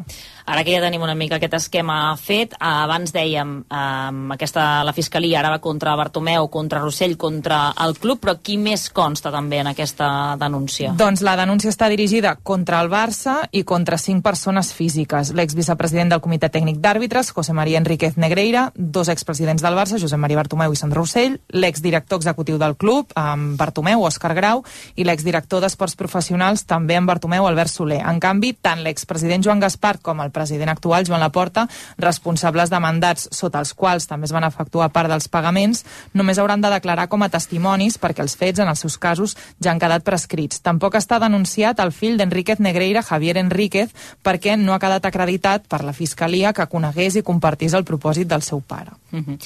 Um, exactament de què se'ls acusa, la, de què els acusa la, la Fiscalia? Uh, doncs la Fiscalia els atribueix a tots ells un delicte continuat de corrupció entre particulars a l'àmbit esportiu, també hi afegeix el delicte d'administració deslleial als dos expresidents i als executius i de falsetat documental a Enriquet Negreira, Bartomeu, Grau i Soler i, com dèiem abans, tots eh, impliquen presó. I ja per acabar, Marta, eh, la pregunta una mica del milió. Quines conseqüències eh, podria comportar-li tot això al Barça com a club? Doncs el Barça està acusat com a persona jurídica. Recordem que ja va ser condemnat en aquesta modalitat amb el cas Neymar, per tant té antecedents Sí. eh, en aquest sentit, i el càstig per un delicte continuat de corrupció entre particulars en l'àmbit esportiu, que va entrar en vigor el 2010, comporta als seus responsables penes d'entre 6 mesos i 4 anys de presó i també penes de multa i inhabilitació. A més, també hi ha conseqüències esportives que podrien concretar-se si la UEFA ho creu oportú tenint en compte la judicialització del cas, com per exemple eh, excloure el club blaugrana de les seves competicions. Doncs déu nhi aquesta és una mica la situació ara mateix, eh, després de que avui, com dèiem, la, la Fiscalia hagi acusat el Barça de, de comprar aquests àrbitres i d'haver pagat aquests 7,3 milions d'euros a l'exvicepresident del comitè d'àrbitres entre els anys 2001 i 2018, com dèiem. Gràcies, Marta. Fins ara. Bé. Uh, no ens allargarem molt en aquesta qüestió, però no sé si voleu fer allò, cadascú un comentari breu sobre quina situació pot, pot quedar amb el Barça i com s'ha anat embolicant una mica des de que es va saber aquest cas, Astrid. A veure, a mi, amb la quantitat de diners que mou l'esport, amb la quantitat d'interessos que hi ha, home, sorpresa no puc dir que em generi.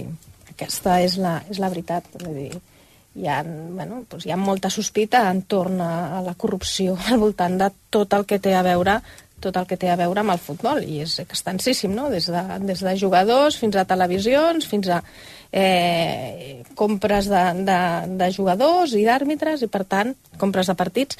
A mi això no em sorprèn, la veritat és que no em sorprèn. Home, Però que no sorprengui... mm, No, no, és a dir, no, no, no, crec que no només a mi, crec que hi ha molta gent que té sospites sobre que a- aquest món no és un món especialment, especialment net ni especialment sotmès a una gran, a una gran fiscalització.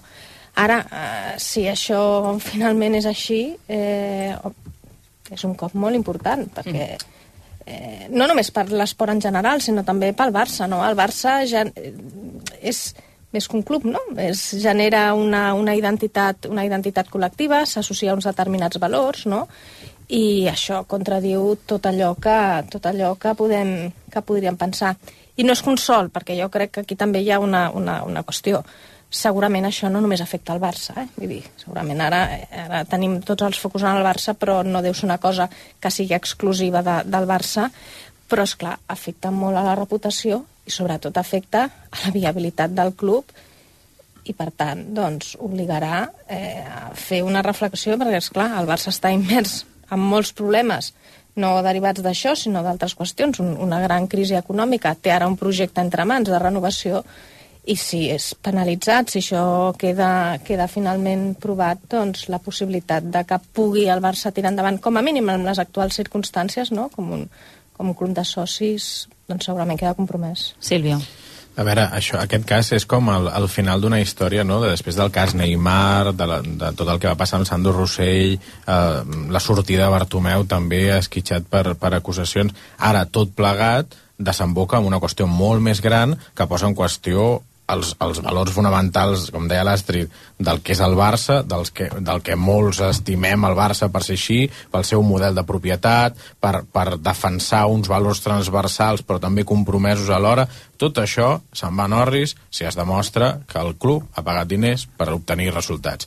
Que no vol dir que cada partit estigués amanyat, eh? que també després de Madrid ens estan dient que, que Messi poc més era com jo, jugant a, a futbol, i em sap greu, però crec que no, diria que no. Però és cert que, eh, bueno, com a mínim, qüestiona tot aquesta, aquest relat que, que, que ens creiem i que, eh, i que, i que realment eh, motiva a gran part dels, dels seguidors del Barça. Jo estic especialment preocupat per la, pel finançament de, del, del Camp Nou, no? de la reforma del Camp Nou, que tot això agafi el Barça amb la tercera graderia a mig, a, bueno, a mig tirar, de fet, realment és com el, el pitjor timing no? el, el que podria triar el Barça eh, perquè surti aquest, eh, aquest cas eh, a la llum. Camilo Silvia, no sé si voleu afegir alguna yo cosa crec, més. o sea, yo creo que a 10 de març tenim el candidat a el oxímoron del año, que és garanticem arbitratges neutrals. eh, eh, definitivament. I es, es comparteix la idea aquesta de que, és a dir, mm, sempre hi ha hagut certa superioritat en el sentit de dir que el Barça és una cosa molt més que un club, de que és una forma de ser, una forma de concebir una empresa mm, eh, deportiva, etc etc i que tot això queda uh, en, en qüestió. I l'altra cosa és realment si aquest canvi de la UEFA i de les, de les conseqüències esportives que això puc tenir, pues deixar el Barça de fora de eh, competicions importants que implicarien l'arribada de més diners i el pagament, evidentment, de, per exemple, de, del nou estadi. Sílvia. Jo, cre jo crec que agafant el fil de, de, del Camilo, jo crec que, que al final acabarà amb una taca immensa amb la reputació del club i poc més que una multa, entre d'altres coses perquè el principal delicte, que és el de corrupció, a menys que es demostri eh, per escrit, per oral o per àudio o com sigui, que el club eh, buscava un tracte de favor, que això no consta de moment per lo que s'ha explicat i s'ha ensenyat, de moment això no consta, per tant aquest delicte que és el com el més gran, després queda el de l'administració deslleial, eh? però jo crec que al, al final acabarà amb una multa, però que això no ens tapi amb el que és, és a dir, jo més enllà del nom de les persones, eh, que ara el, el focus es, es torna a posar a, damunt de la figura del Bartomeu i del Sandro, eh, eh, jo vull, jo vull eh, denunciar, entre cometes, una certa pena, com a sòcia del Barça en aquest cas, eh, per la pràctica eh, com a com a mínim poc ètica fins que es demostri altres coses del club durant 17 anys. Uh, aquesta pràctica, eh, més igual l'objectiu, més igual si era un xantatge, uh, els diners uh, els posem als socis, eh, bueno, i les marques, però en tot cas crec que el soci no es mereix el que està passant amb el club, no es mereix aquesta imatge. Eh, també no m'agrada la idea de com que el Barça ara va bé, ara surt això. Eh, és una mica com altre, un altre cas, que ara no ve el cas, que és polític. Eh, sí, però ho has fet. Si ho has fet, m'és igual quan, com i en quina bandera t'emboliquis, perquè el tema és que s'ha estat utilitzant uns diners del club de manera de moment poc ètica, per no dir il·legal, perquè no ho sabem, no està eh, mm. eh, demostrat ni jutjat, eh, i això deixa molt mal lloc al club. Eh, porta uns anys al Barça eh, no sé si comunicativament, que aquest és un altre, eh, un altre peu que també va coix, el Barça comunicativament, o almenys la, la projecció externa o exterior de les coses que estan passant dins el club... La transparència. No s'està gestionant bé. Mm. No pot ser que eh, cap de les persones afectades, cap dels presidents hagi sortit a, a explicar, que s'hagi encarregat un informe extern, que el tindrem d'aquí dues, tres, quatre setmanes, i per acabar dient que segurament aquí no hi ha res. En tot cas, jo crec que aquí sí que falla una mica, inclús de cara per justícia al soci.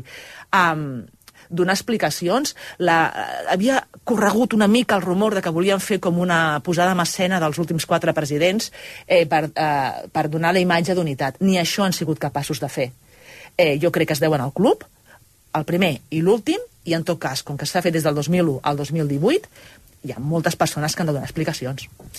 Bé, ara passen 6 minuts de dos quarts de 10 de la nit. Em deixareu que canviem de, de tema. Uh, farem una pausa i quan tornem Parlarem d'alguna de les derivades, eh, una de les reflexions que ens pot portar aquest cas del qual fa dies que, que n'estem parlant, d'aquesta violació a una nena d'11 anys a Badalona. De seguida eh, analitzem què passa amb els menors que cometen delictes. No ho sé, amb Anna Ballonesta. 5 raons per no estudiar a l'escola Massana. 1. No és cap lloc comú. És el Raval. 2. No busquem complaure. Aprenem amb tu. 3. T'hi embrutaràs les mans. T'hi trencaràs el cap. 4. No fem graduations. Celebrem. 5. Barregem arts i disseny. Així és Barcelona. escolamassana.cat a Cotet són especialistes en audició. Oh, i tant! Són fantàstics! A Cotet els audiòfons són gairebé invisibles i es poden connectar a la telefonia mòbil. Venim de comprar-ne uns per la mare, amb descomptes de fins al 60% en la segona unitat. I si compres les piles i els filtres per telèfon o a cotet.com, te'ls envien a casa. Cotet, òptica i audiologia, cuidant els teus sentits des de 1902. Tens casa amb jardí o piscina? Transforma-la en Abrisud. Vols cobrir la piscina o busques una pèrgola bioclimàtica on relaxar-te? Abrisud té la solució. Del 9 a l'11 de març fem jornada de portes obertes amb promocions exclusives. Visita'ns. Estem a Cornellà. Sortida 15 de la Ronda de Dalt. Abrisud. Dóna vida al teu exterior. Marta, què et passa? És que el Marc ha tornat a suspendre i ja no sé com ajudar-lo. Nosaltres estàvem igual que tu i ens van recomanar profe.com. Des d'aleshores la Marina està motivada i ha millorat molt. Profe.com? Sí, tenen professorat qualificat amb classes online, personalitzades, adaptables als teus horaris i per totes les assignatures. La primera classe és gratuïta. Doncs ara entro a profe.com. Blanca, que bé que et veig. Vinc de Naturhaus. He perdut 4 quilos. Sí, jo també vull. Què haig de fer? Acompanya'm o busca el teu centre Naturhaus més proper i demana-hi cita. Totes les consultes d'assessorament dietètic i seguiments setmanals són gratis. I a més, ho pots fer des de casa. Entra a naturhaus.es o truca al 902 15 14 14.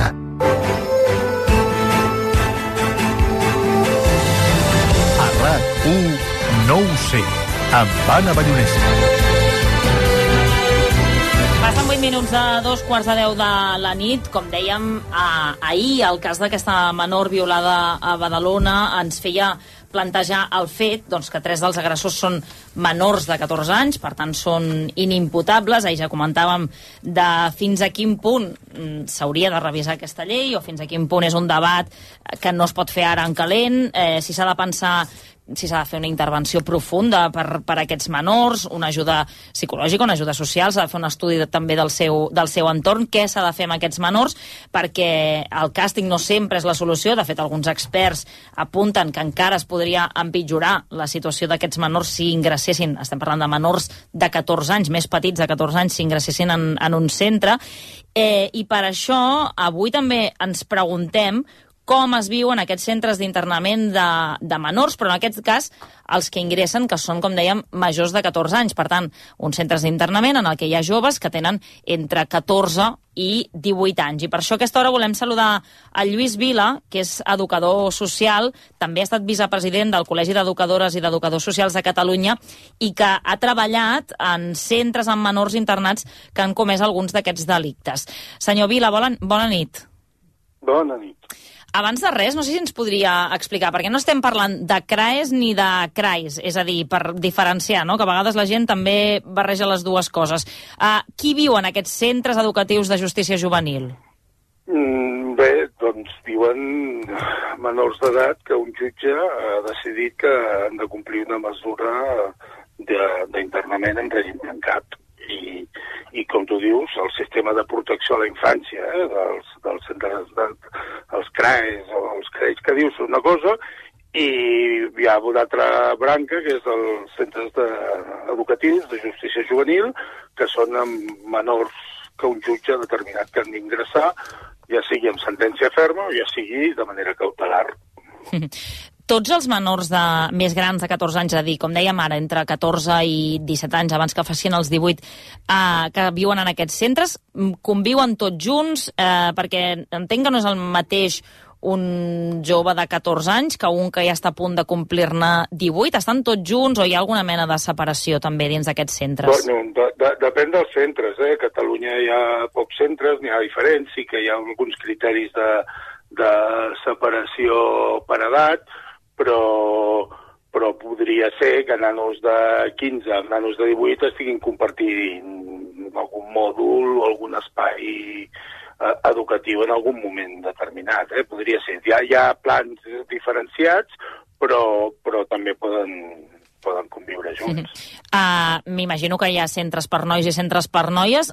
Normalment, com passa també a les presons, hi ha més nois que noies ingressats en aquests uh, centres? Sí, sí, jo no tinc dades ara oficials, però això la, la, el propi Departament de Justícia us ho podria dir, eh? però sí, hi ha molts més nois que noies. De fet, de, de noies, no, només en un centre hi ha un mòdul específic de noies que, que fa un mes o dos n'hi havia 17 o 18, més una altra unitat, on, que és la unitat terapèutica, on també hi ha, noi, en aquest cas sí que hi ha nois i noies eh, eh, on, on, on, on hi ha un gran component de temes de salut mental associats a, a, al fet delictiu o a la mesura judicial. Uh, com ens els hem d'imaginar, aquests centres? És a dir, eh, són com una presó en petit? No sé si fins i tot estan a prop de les presons o poden estar en un altre espai en una ciutat.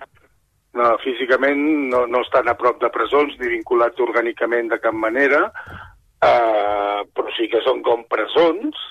El que passa que, és veritat, estan regulats per una llei diferent, no? la llei de 5 barra 2000 de la, no? de, de responsabilitat penal dels menors que tenim, Uh, llavors són centres on, on sí, són com presons, el que passa que, com et dic, doncs, tant les unitats de convivència com les activitats eh, de, de quotidianes i, i de tractament, doncs, doncs la intervenció socioeducativa està molt més present que el que podem entendre en el que és el sistema penitenciari d'adults. Eh? Eh, la, la, la, el component això, socioeducatiu i de, i de, i de tractament té molta més intensitat. De fet, bueno, doncs la, la ràtio d'educadors socials permanentment amb els nanos és molt superior que, que en el sistema de, de presons, on, mm. on, on també hi ha educadors i, i equips de tractament multidisciplinars, però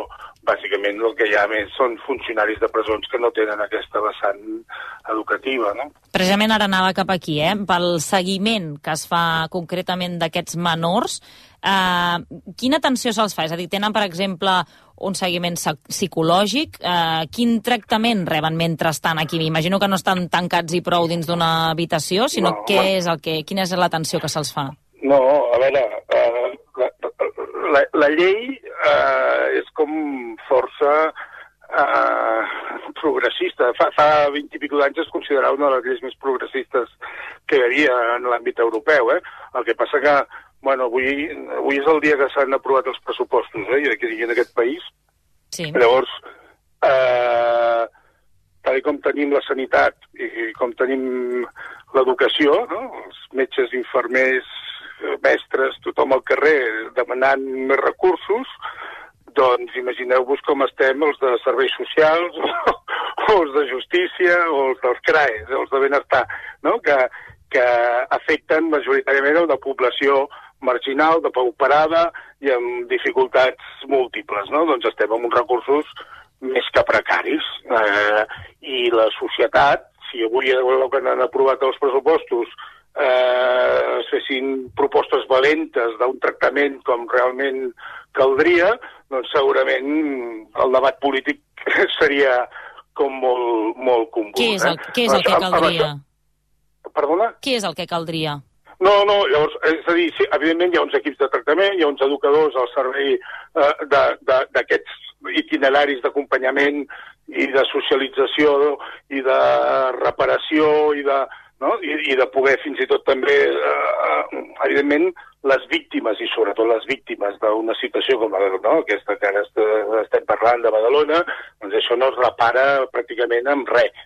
I ni per molt que els debats aquests no? de, de les cadenes perpètues i de les penes d'amor i no sé què, vull dir, per la víctima mai hi haurà una reparació, eh? però socialment en aquests menors doncs alguna oportunitat se'ls ha de poder donar i els recursos que hi ha destinats per això, doncs, com dic, en el sistema de justícia juvenil està molt més eh, a, a, a, a, focalitzat en, en aquest acompanyament que, que a justícia d'adults, però tot i així doncs, doncs els recursos són escassos. I a més a més, dintre d'uns itineraris, d'uns processos, unes realitats d'altíssima complexitat, i on la responsabilitat penal i una mesura judicial es determina amb un temps.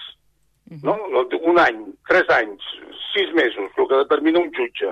I aquesta mesura, amb el que té a veure amb, amb el procés maduratiu del jove o de l'infant, o amb uh, l'educació i la, la maduració, doncs moltes vegades amb temps no es pot eh, acabar, no, no coincideix naturalment amb, amb, amb, amb la mesura, no? Per tant, eh, és una mica artificial dir que en sis mesos, perquè el jutge ha dit sis mesos, doncs s'han d'haver pogut resoldre, si és que es poden resoldre, una sèrie de, de, de, de situacions que poden ser doncs, de desestructuracions des de la petita infància amb nuclis familiars desnats, poden ser problemes de salut mental, pot ser una societat absolutament masclista i on, on el, el tema no, de les agressions sexuals doncs estan cada vegada més presents i per imitació, poden haver-hi tantes variables i tants factors que intervenen que, que, que, que és complicat, no? Llavors, en aquests centres, doncs sí, evidentment, hi ha un equip de tractament, hi ha psicòlegs, hi ha treballadors socials, hi ha metges i estem els educadors Uh, a part de, també, doncs, uh, per què no, lògicament, en uh, equips de seguretat, doncs, perquè a vegades uh, hi ha doncs, també conductes i, i agressives i, sí. i, i dificultats d'una tremenda. No? Són equips multidisciplinars que intenten, amb l'encàrrec o el mandat que ha fet un jutge, uh, intentar recuperar el màxim possible aquests menors. Això em porta a preguntar-li, eh, ja sé que potser no tindrà xifres exactes, però sí que vostè que ha treballat en aquests centres, quin percentatge d'èxit diria que hi ha en aquests joves que surten d'aquests centres? És a dir, mm, quin percentatge surten rehabilitats o tenen oportunitats de tornar a viure doncs, a la societat d'una manera més o menys normal els joves que passen per aquest tipus de centres? Bueno, clar, jo dades concretes no tinc res, repeteixo que aquí la font hauria de ser el departament. Per una altra banda, s'hauria de poder tenir un debat serè sobre què és l'èxit i què és la rehabilitació. Eh? I després, per una altra banda, eh, eh, en qüestió de, de cada cas, o, o de, fins i tot, si voleu, eh, de, la, de la tipologia de, de, dels fets delictius, doncs, doncs segurament també hi ha indicadors eh, o xifres eh, de, de, de reincidència o de recuperació eh, diferenciats. Eh? Quan hi ha problemes de salut mental, doncs, doncs té un camí. Quan són doncs, conductes delictives de fur, robatoris amb força i no sé què doncs, segurament els, els indicadors d'èxit doncs són uns altres. Perquè, però, li pregunto d'una altra manera. Vostè creu que guanya la balança dels que en surten afavorits d'aquests centres o, o guanya per l'altra banda? És, difícil, és difícil. Uh, uh, està claríssim que segur que els resultats són molt millors que amb, just amb, amb el sistema penitenciari d'adults, perquè precisament els joves, la sort que tenen és que són joves i que, i que poden eh, refer i tenen molt camí per fer i fer les coses millors, de, de millor manera que, que, que, que fins en aquell moment que, que la vida o determinades circumstàncies els han portat a cometre un acte greu, perquè recordem que els, els menors eh, infractors eh, que entren a centres són els que han comès delictes greus, eh? I la, la gran majoria de, de mesures judicials són en medi obert. Els nanos que hi entren en centres és que han comès delictes greus i en alguns casos pot ser, doncs, bueno, una animalada que una cosa que s'han anat de mare i a vegades sí que pot haver-hi doncs, hi ha unes conductes no? de, de risc i delictives consolidades i, i heredades fins i tot d'entorns de, i de territoris, comunitats i, i famílies concretes on, on un cop s'ha complert la mesura que ha anat el jutge, doncs el retorn al medi ordinari, no? en el territori, en el barri, a la família, doncs doncs aboca els nanos a, a, a, a passar tot i que físicament no estiguin junts ni vinculats orgànicament als centres de menors amb els de presons, doncs que molts acabin passant per, per, després per, per presons i que, que, que continuïn en, en, en cicles d'aquests de, d'exclusió de marginalitat d'una manera, doncs, no sé si cronificada, però sí a més llarg termini. Mm. Ara, que n'hi ha molts que, que realment la, el procés maduratiu i un internament en un centre i amb uns acompanyaments i amb unes formacions i amb, i amb un seguiment un cop surten en llibertat, doncs evidentment doncs, es fan grans, maduren i acaben sent doncs, joves absolutament eh, funcionals, i, però repeteixo, eh, també s'ha d'analitzar cada cas i, i, i, i, i, i també doncs, la, la casuística o els motius que poden haver causat el, el fet. I el en, en el cas d'aquests joves, per exemple, que haurien comès aquesta violació, aquesta nena, i en, en el cas que n'hi ha un que sí que està en un centre educatiu de justícia juvenil, mm, es fa, per exemple, algun tipus de, de formació en educació sexual o afectivo-sexual sí, sí. en aquests casos concrets? Sí, sí, sí, sí. Existeixen programes eh, terapèutics i educatius, doncs, doncs en els casos que calgués, eh, per, per temes doncs, més de, tant de, recone de reconeixement de, de la víctima com de, de, de temes de, de, de violència sexual, de diferents programes... Què vol dir de reconeixement a la víctima? No, que, que en, en una part de l'encàrrec que hi ha qua- amb tot el que té a veure amb, amb menors i adults sentenciats, doncs és la part del reconeixement i la reparació i el, no, reconèixer el fet i, i, i, i construir un, un, un, una empatia envers el, el, el, el dany causat, que en molts casos és irreparable, no? però, però com a mínim que hi hagi doncs, podem parlar de penediment o de... Demanar o perdó, de, per exemple, no sé si hi ha o hagut casos que, que, que poden escriure una carta o que es poden fins i tot mm, comunicar indirectament amb la víctima doncs, demanant-li, expressant-li doncs, aquest penediment?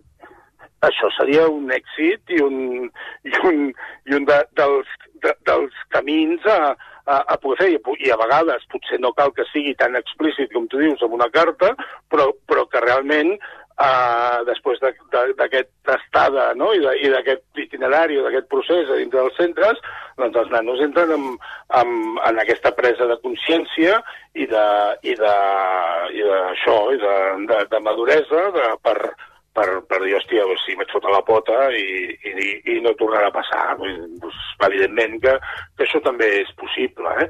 tot i que això no pugui mai, segurament, acabar de reconfortar de reparar eh, les víctimes de segons quin, quines situacions. Eh? Lluís Vila, educador social, com dèiem, ha estat el vicepresident del Col·legi d'Educadores i d'Educadors Socials de Catalunya i també ha treballat i, per tant, coneix de primera mà com funcionen aquests centres educatius de justícia juvenil. Senyor Vila, gràcies, bona nit per atendre'ns, a- gràcies per atendre'ns al 9 i bona nit. Bona nit, gràcies a. Que vagi bé. Uh, falten 5 minuts per arribar a les 10, per tant, no ens queda massa estona. Us demano um, alguna cosa que, que us hagi sorprès d'aquesta entrevista, d'aquest funcionament, no?, del que s'ha dit, um, també, sobretot, aquesta manca de recursos, no?, que potser es podrien fer altres intervencions, que no ens ha acabat de dir exactament doncs, eh, què, però sí que es podrien fer segurament moltes altres coses perquè aquests menors, un cop surten d'aquests centres, que també ens ha dit que a vegades és poc temps el que passen en aquests llocs i que per tant no és suficient, però si surten amb una mentalitat diferent a la que han arribat o no a, quan han ingressat. A mi m'ha sorprès, però m'ha portat amb un cas que també va passar a l'estiu, a que el jutge sigui qui dicti la sentència de sis mesos, que a mi a priori, de manera ignorant, em sembla poc temps, eh, tenint en compte el cas d'avui, eh, el cas del noi que, el menor que amenaçava el germà de la víctima, que la sent- bueno, l'han posat eh, sis mesos, qui o eh, el jutge determina sis mesos si aquesta, aquesta conclusió a la qual arriba el jutge va acompanyada d'algun tipus d'informe mèdic eh, Si després es fa com una revisió, no? no, no, no, no que aquesta decisió es, es pren, aquests sis mesos Ah, el sí, decideix sí. el jutge sol o eh, d'acord amb un comitè mèdic on hi ha un educador social, un, una, un psicòleg, um, perquè ja va passar a a l'estiu amb aquella noia, aquella, que no sé que era art, una, una artista, no me'n recordo el nom, que també la perseguia... La Paula Bonet. Correcte. Eh, i va passar el mateix, és a dir, els, la, les decisions judicials es prenen sense cap eh, un tipus de complement mèdic que t'assessori si, si, si calen sis mesos o un any. Ah, ah, clar, jo Bé, ara en mesos... aquest cas, fa, unes, fa uns dies vam saber sí. que s'està tornant a, a revisar perquè precisament l'advocada de la Paula Bonet, Sí? la Carla Vall, ha demanat que no se li apliqui aquest eximent que tindria per De- un suposat trastorn eh, obsessiu cap a, cap a les dones, no? I, per tant, es revisarà aquesta condemna eh, que se li va aplicar Però en si no me'n recordo moment. malament, l'advocada, la Carla, ja va dir que caldria algun informe mèdic que acompanyés a la decisió del jutge per dir si 6 mesos o 24. Mhm. Clar, en aquest cas jo li volia preguntar, bueno, jo m'he quedat amb el dubte de preguntar-li amb, aquest senyor, amb el senyor Vila, que és educador social, si en 6 mesos a, a aquesta persona que ha amenaçat de mort, aquest menor que ha amenaçat de mort a una altra persona, eh, en 6 mesos pot canviar d'opinió. I un cop surti, quin tipus de seguiment se li fa a, a agressor i víctima. Camilo.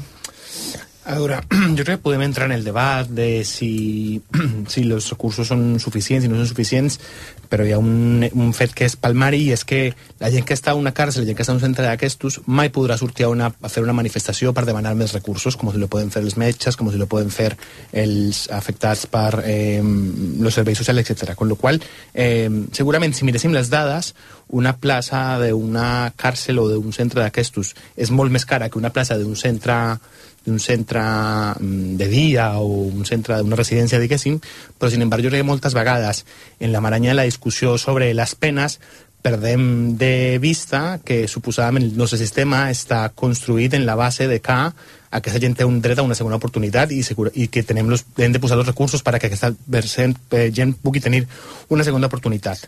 Me gustaría posar més focus només en una cosa i és que eh, la cadena SER deia que només un noi de tot l'institut va anar a l'escola Els i, va- professors. va confessar el que havia passat.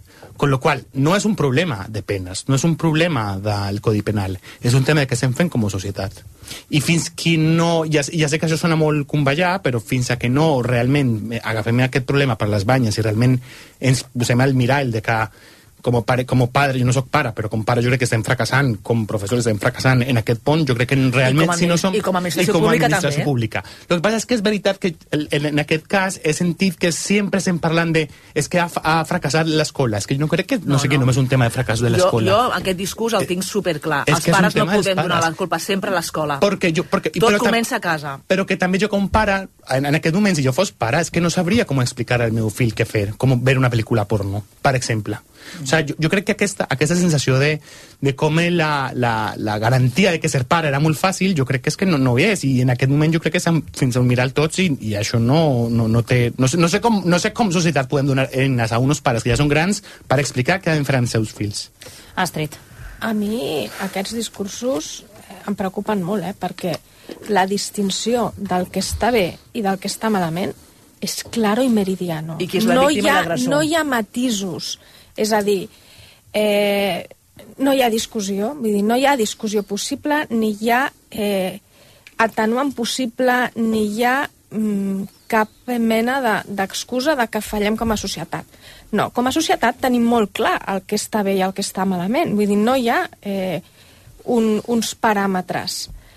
El que hi ha són comportaments irresponsables per part, jo almenys el que les informacions que he llegit, eh, no sé fins a quin punt són fidedignes, de pares que no han, eh, que no han, que han tingut coneixement dels fets que no han denunciat, de nanos que no, hi ha, que no, han, que no han denunciat fins que no arriba, fins que no arriba el germà, pots buscar totes les causes socials que vulguis, pots parlar de marginalitat, ho pots associar a una causa social, però jo crec que en el fons aquí estem discutint doncs, que s'han traspassat uns límits de manera col·lectiva.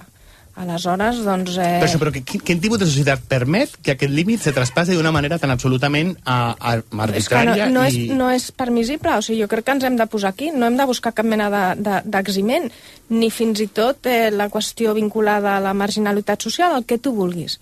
Vull dir, s'han traspassat tots els límits, és a dir, i hi ha molts instruments, les escoles tenen mitjans per, per, per denunciar, hi ha, hi ha bústies anònimes, vull dir, hi ha els mitjans, i no, no em puc creure que, que, no, que no existeixin aquestes, aquestes Però si de, és veritat que si d'aquesta escola, no?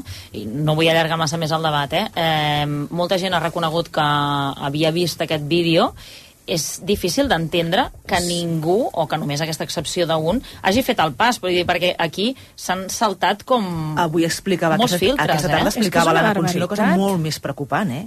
que es veu que han començat a parlar ja a nivell d'administració eh, i tutories amb tots els alumnes d'aquest institut, amb tots, i han sortit, no ha dit el nom, unes quantes agressions sexuals més sí, aïlladament d'aquest cas. Sí, sí, sí.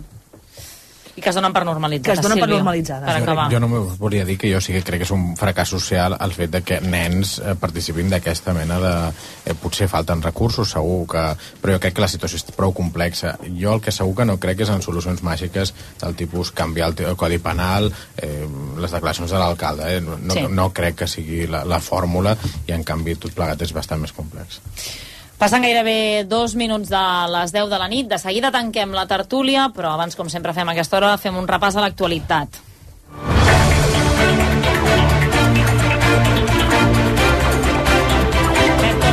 Nit. Bona nit. Què és el més destacat a aquesta hora? Doncs que els educadors socials reclamen més recursos en els centres d'internament de menors, és on van a parar nois d'entre 14 i 17 anys després que ho decideixi un jutge. Ara mateix, dels 6 nois que van violar la nena de Badalona, 5 estan identificats, però només un està en un centre de menors. I avui la justícia ha decretat 6 mesos d'internament per un altre menor, el que va amenaçar el germà de la víctima. L'educador social Lluís Vila, que ha estat vicepresident del Col·legi d'Educadores i Educadors Socials de Catalunya, ha explicat al nou c de RAC1 com funcionen. Són centres on, on sí, són com presons. El que passa que, com et dic, doncs, tant les unitats de convivència com les activitats quotidianes i, i de tractament, doncs, doncs la intervenció socioeducativa està molt més present que el que podem entendre en el que és el sistema penitenciari d'adults. Els centres d'internament de menors tenen equips de tractament, psicòlegs, educadors i equips de seguretat per si hi ha conductes agressives. Els informàtics de l'Agència de Ciberseguretat i del Clínic treballaran durant tot aquest cap de setmana per intentar recuperar la normalitat a l'hospital. Esperen que sigui abans de dimarts vinent. Avui encara només s'hi ha pogut fer la meitat de les visites a consultes externes i els tractaments de radioteràpia urgents s'estan derivant a altres hospitals. De fet, aquesta setmana el ciberatac ha obligat a ajornar 4.000 analítiques, unes 300 intervencions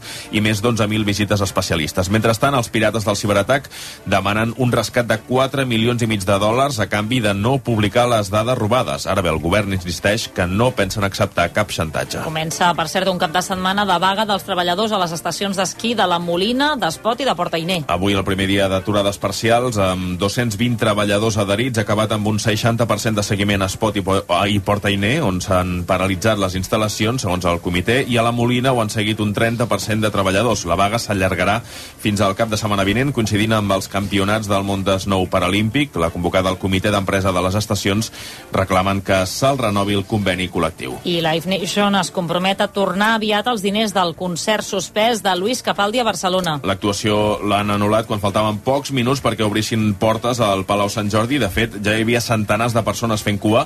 La poca antelació de l'anunci ha provocat eh, indignació en alguns fans. La promotora Live Nation assegura que tots els afectats ja tenen un correu ele electrònic on hi ha les instruccions per poder recuperar els diners en els propers dies i afegeixen que ara com ara no hi ha nova data per fer aquest concert. Capaldi ha suspès el concert per una bronquitis que li impedeix cantar. Gràcies, Pep. Bona nit. Pel que fa als esports, Dani Aguilar, bona nit. Bona nit. Què fareu avui, el teu diràs? Doncs, evidentment, estarem pendents de l'última hora del cas Negreira. De fet, el Barça encara no ha reaccionat públicament, però a hores d'ara sí que us podem explicar eh, un posicionament eh, que us pot explicar RAC1. Parlen d'escenari previsible, el que estem vivint ara mateix, un posicionament del Barça, insistim, eh, tenint en compte que eh, Estrada Fernández, recordem el col·legiat, va presentar una denúncia al jutjat, de manera que la Fiscalia s'ha vist obligat a judicialitzar-ho tot plegat. Eh, que l'opinió del fiscal no és més que una hipòtesi, diguem de preliminar, que s'iniciarà ara pròpiament la investigació i aquí és on s'haurà de confirmar o rebutjar qualsevol qüestió i que en qualsevol cas el Barça reitera que mai no ha comprat cap àrbitre, ni ha pretès influir mai. És la postura del Barça, insistim, que us expliquem ara mateix al nou set de rac Avui que en parlarem al Tu diràs amb Antoni Muñoz, el company de La Vanguardia, també amb Marc Molins, especialista en dret eh, penal, i avui també, tot va de tribunals, eh, que eh, hem sabut que eh, tant Josep Maria Bartomeu com Jaume Masferrer aniran a judici per una de les branques del Barça Gate, eh, la que afectava Jaume Roures. Avui també al Tu diràs parlarem amb Jaume Roures. déu nhi Molta teca a partir de dos quarts d'onze amb el Dani Aguilar. Fins ara, Dani. I futbol també, que parlarem amb el porter de l'Espanyol, Fernando Pacheco, que demà hi ha un Espanyol-Madrid, un Madrid-Espanyol i també en parlarem. Gràcies, doncs fins encara ara. més coses Exacte. que vagi bé. Acabem amb el temps. Abel Caral, bona nit. Bona nit. Mm, Passarem o no d'aquests 25 graus aquest cap de setmana? Jo crec que sí, avui per unes dècimes, 25 amb 4, i hem passat a Cabrils, al Maresme, o al Canà, a, al Montsià, però 24 llargs, 25 també a Barcelona, a Tarragona, Cambrils, a comarques més interiors no tant, cap a la Costa Brava 18, 19, 20. Demà eh, serà més fàcil acostar-nos als 24 i 25 graus en comarques interiors. A la Costa Brava passarem dels 20, a diferència d'avui, i per tant un cap de setmana doncs, de màniga curta, amb nits poc fredes, fins i tot una mica suaus a prop de la costa, i destacar una cosa, que demà encara farà vent, dues coses. Una, que demà encara farà vent, eh, sobretot a les no comarques de arregles, eh, Tarragona. això encara del vent? Mira, anirà a la baixa, eh? Demà encara, sobretot, a, la, a molts sectors de les comarques de Barcelona, per exemple, cap a l'Alt Penedès, però també cap al Tarragonès, eh, comarques, de, eh, comarques de Tarragona en general, comarques de Ponent. Diumenge aquest vent ja només cap al sud del país i fins al mig matí, migdia. Eh, I l'altra cosa que volia destacar és que mm, diumenge baixen les temperatures a la costa i si demà parlem de 24-25 graus com avui amb els sectors del litoral, diumenge serà fàcil no arribar als 20, per tant doncs, sí que tinguem en compte que arran de mar diumenge pot haver-hi més núvols, més humitat en definitiva i les temperatures recular de manera clara. Per tant, si algú vol aprofitar per fer allò, aquella primera aproximació a la platja, millor demà que no pas diumenge. La primera sucadeta de peus, si Exacte. més no, eh, potser millor demà que diumenge. Però amb Perfecte. vent, amb vent, eh? una mica també de vent, això sí. Bueno, no es pot tenir tot.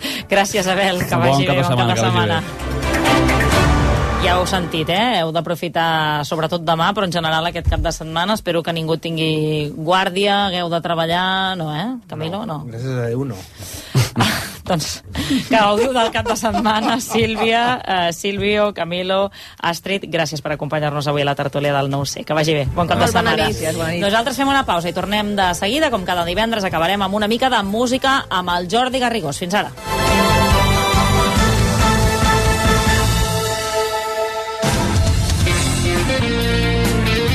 RAC1 Cotxe. Cop. Tot arreglat. És molt senzill assegurar-se amb el Betia. Simple, clar, el Betia. Al juliol, gaudeix d'un autèntic activity camp anglès a la Casa de Colònies de Mas Llop de Caldes de Malavella. Immersió total en llengua anglesa i classes amb professorat nadiu del Col·legi Sant George School. En un entorn immillorable, en plena natura i múltiples activitats esportives. Jornada de portes obertes, dissabte 11 de març. Per a més informació, masllop.es. Destinació 22 de novembre de 1963. El president Kennedy Destinació 20 de juliol de 1969. Armstrong i Aldrin col·loquen la bandera sobre la superfície lunar en un dia... Descobreix la nova maroteca digital de La Vanguardia. Un viatge amb la màquina del temps. Actualització constant a rac1.cat, el portal de notícies de RAC1. No ho sé, amb Anna Ballonesta. Passen 9 minuts de les 10 de la nit.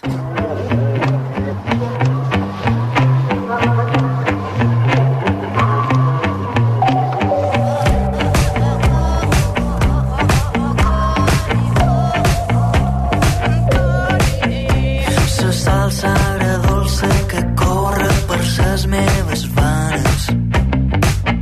Jordi Garrigós, què tal, com estàs? Molt bé. Bona nit. Bona nit. Com sempre que arriba aquesta música, mira, a mi ja, ja em sona eh, recta final, final, per començar el cap de setmana, així que sempre m'alegres els divendres. Doncs mira, jo No t'haig de, dir, t'haig de dir que venia molt content. Ah, i ja no? Sí, jo menys. Per menys per, perquè Què eh, fa molt bon temps ja. Sí. Llavors avui he sortit pràcticament sense jaqueta i, i demà tinc una calçotada i ha anunciat vent. Ai. Mira, jo la tinc diumenge, veus? No farà tant de vent. No Ah, farà mira. tanta calor. Però ara ho dèiem, no es pot tenir tot. No, no, però sí que és veritat que el fet que s'estigui apropant la primavera a mi em posa molt feliç. Ah, doncs ja està. Sí. Pensava que era per venir aquí, però vaja. Ja he vist, aquest, també. he vist aquest condicional i ja m'has espantat. Va, avui de què, de què ens parlaràs, Jordi? Doncs aquesta setmana ha sigut la setmana de, de New Order. Eh, S'ha anunciat el proper concert de New Order a Barcelona. Serà el primer Creus que era previsible? O... No, jo, jo pensava que no anunciarà ningú més. Sí, jo he pensat també que estava tancat el cartell. Sí, potser Palp, que no els han pogut portar, i que toquen a Anglaterra, vas, eh? però no aquí, i jo aniré. Faré una crònica. Eh, doncs això, eh, no toquen els New Order a Catalunya des de 2016, que van estar al Sonar, eren, van ser caps de cartell del Sonar. eh, I si ho recordes, la setmana passada vam parlar dels Pixies, Sí. i encara que sembli que no, eh, New Order i Pixies tenen alguns punts en comú. Totes dues són bandes amb una influència molt gran, són pares de moltes de les coses que vindrien després, i si els Pixies, si els Pixies eren de l'indie, els New Order ho són del synth-pop, de l'escena club, que comença a Manchester, i avui parlarem de tot el que va passar precisament a Manchester. Durant Mm. una dècada aproximadament, entre finals dels 70 i començament dels 90, s'hi crea una escena excitant, meravellosa, i que ha quedat per la història de la música. Seria com, no sé, a vegades es diu que aquí a Osona, no? Hi ha com una mica el xup-xup de moltes... Seria com això, però de veritat. vale? Seria com això, però A veure, real. sí, però no treguis mèrits tampoc. I tu recordes aquella famosa frase que va dir un dia Gerard Piqué al Camp Nou de Contigo empezó todo? Sí. Doncs eh, New Order i l'escena de Manchester va començar exactament aquí. No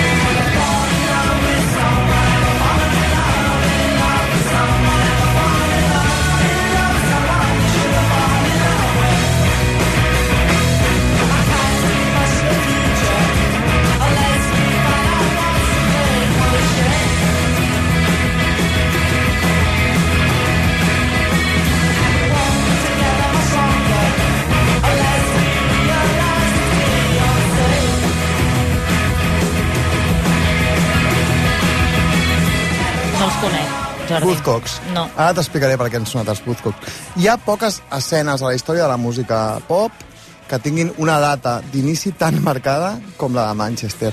I és la del 4 de juny de 1976 i un lloc que és la sala Free Trade Hall de Manchester. Allà s'hi va celebrar un dels concerts més importants de tots els temps. Era la primera vegada que els Sex Pistols tocaven a Manchester i només hi havia 40 persones de públic. Ostres. Ho diuen molts grups, això. és veritat o no? Perquè... En aquest, en aquest cas, en aquest cas és, és en real. aquest cas és real, és, real. però és, un, és creus un que hi concert... ha grups que juguen una mica a dir mira, el meu primer concert només hi havia 10 persones i fa com tot més èpic. No, però, però aquí és, és a l'altra banda, és a, és a la banda del públic. Totes les persones que estaven entre el públic eh, estaven al·lucinant amb el que estaven veient i van acabar fent grups Eh, els Pistols eren un grup Sí? molt, molt magnètic en directe, eren molt poderós, estèticament eren, eren imbatibles, i et feien semblar que allò que estaven fent ells també ho podies fer tu. I només eren 40 els que hi havia al públic, però quins 40? D'acord? Els organitzadors eren el Shirley i el Howard Devoto, que farien els Buzzcocks després, Sí, aquesta els que cançó que escoltàvem, però entre el públic hi hauria futurs integrants de Simply Red, de Default, dels Smith, de Certain. Ratio, i aquí anem als Joy Division. Bé,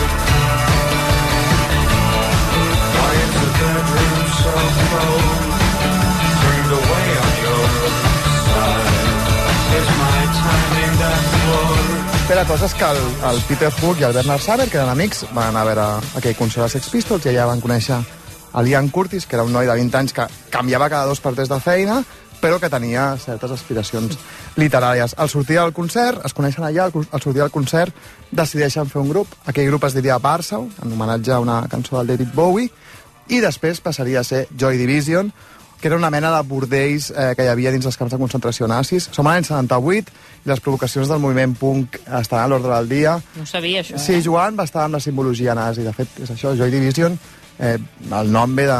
té una reminiscència nazi. La qüestió és que els Joy Division es fan famosos en relativament poc temps. No és que ho petin una cosa boja, però sí que els hi va, els hi va bé.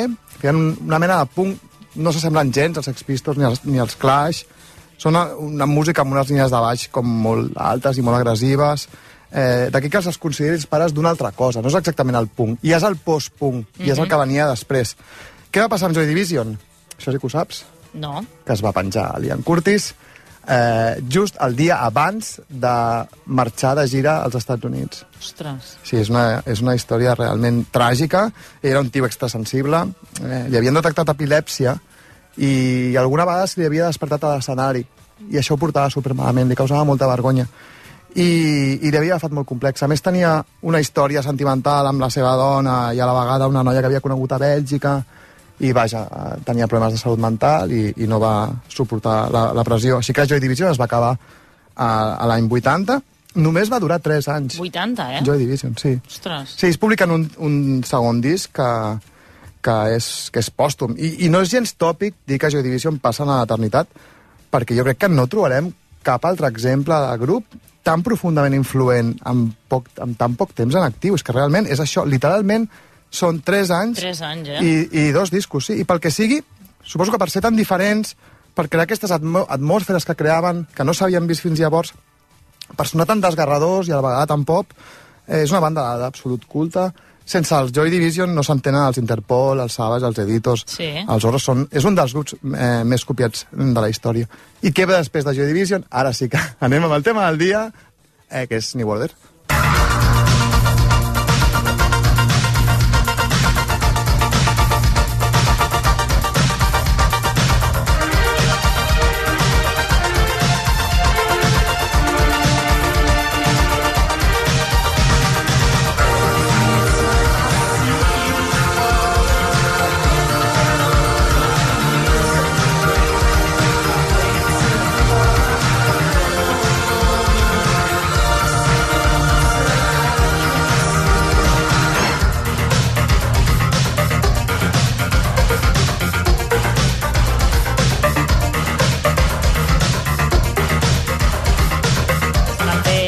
Versions, eh, d'aquesta cançó, Sí, és, també. preci- és una cançó preciosa. Sí. Els, els New Order són literalment les cendres de Joy Division. Són els tres membres que, que queden vius fent una banda nova. Elles des, musicalment es desmarquen del que feia Joy Division. No acaben de sortir al post-punk, però sí que s'apunten a la nova corrent electrònica, on hi ha grups com els de Page Mode, que de tant en tant Sí. hem parlat en aquesta secció, els Kraftwerk. Tot i un començament una mica tevi, eh, els hi va bé, però no és una gran explosió. L'any 83 publiquen Blue Monday, que és el seu, gran, eh, el seu gran primer senzill, i és super estrany que els hi anés bé amb aquell, amb aquell senzill, perquè és una cançó de música electrònica de 7 minuts i mig, és la cosa com menys radiable i menys, vull dir, menys de ràdio de, de la història, i el seu disc... Per això en no la posarem per no, avui, per perquè no tothom sap posat. quin és. eh, el seu disc en format single és el disc més venut per una discogràfica independent de tots els temps. El, el 7 El polzades single, de, eh? de Blue Encara Monday. avui? Encara avui, encara avui. Ostres. Sí, sí, sí. A partir d'aquí, a partir de Blue Monday, els New Order es transformen en les bandes més grans i influents del món. A més, tot des del mateix segell on van treure el disc de Joy Division, eh, que eren els seus amics de Factory Records, que després en parlarem. I, de fet, els, els New Orders van fent discos fins l'any 93, fins l'any 93, que decideixen prendre's un descans, un descans i a partir d'aquí van anant, tornant, s'enfaden, amb el baixista s'han s'han enfadat, van fent gires, passen als van fent grups. discos. Una mica passa com amb els Pixies, que, que van fent discos, ara fa un temps que no en fan, eh, i interessen més, interessen menys. La gent el que vol anar a veure són les cançons, les cançons de sempre. El cas és que, com va passar amb Joy Division, es tornen a colar com un dels grups més importants dels anys 80 i aconseguir ser tan important amb dos grups amb una mateixa dècada, són dos grups que possiblement estan entre els 20 o 30 grups més importants de la música Sí. anglesa dels anys 80, compartint tots els membres menys el Ian Curtis. Em sembla una cosa eh, que donaria per una secció sola. Anem amb la següent de New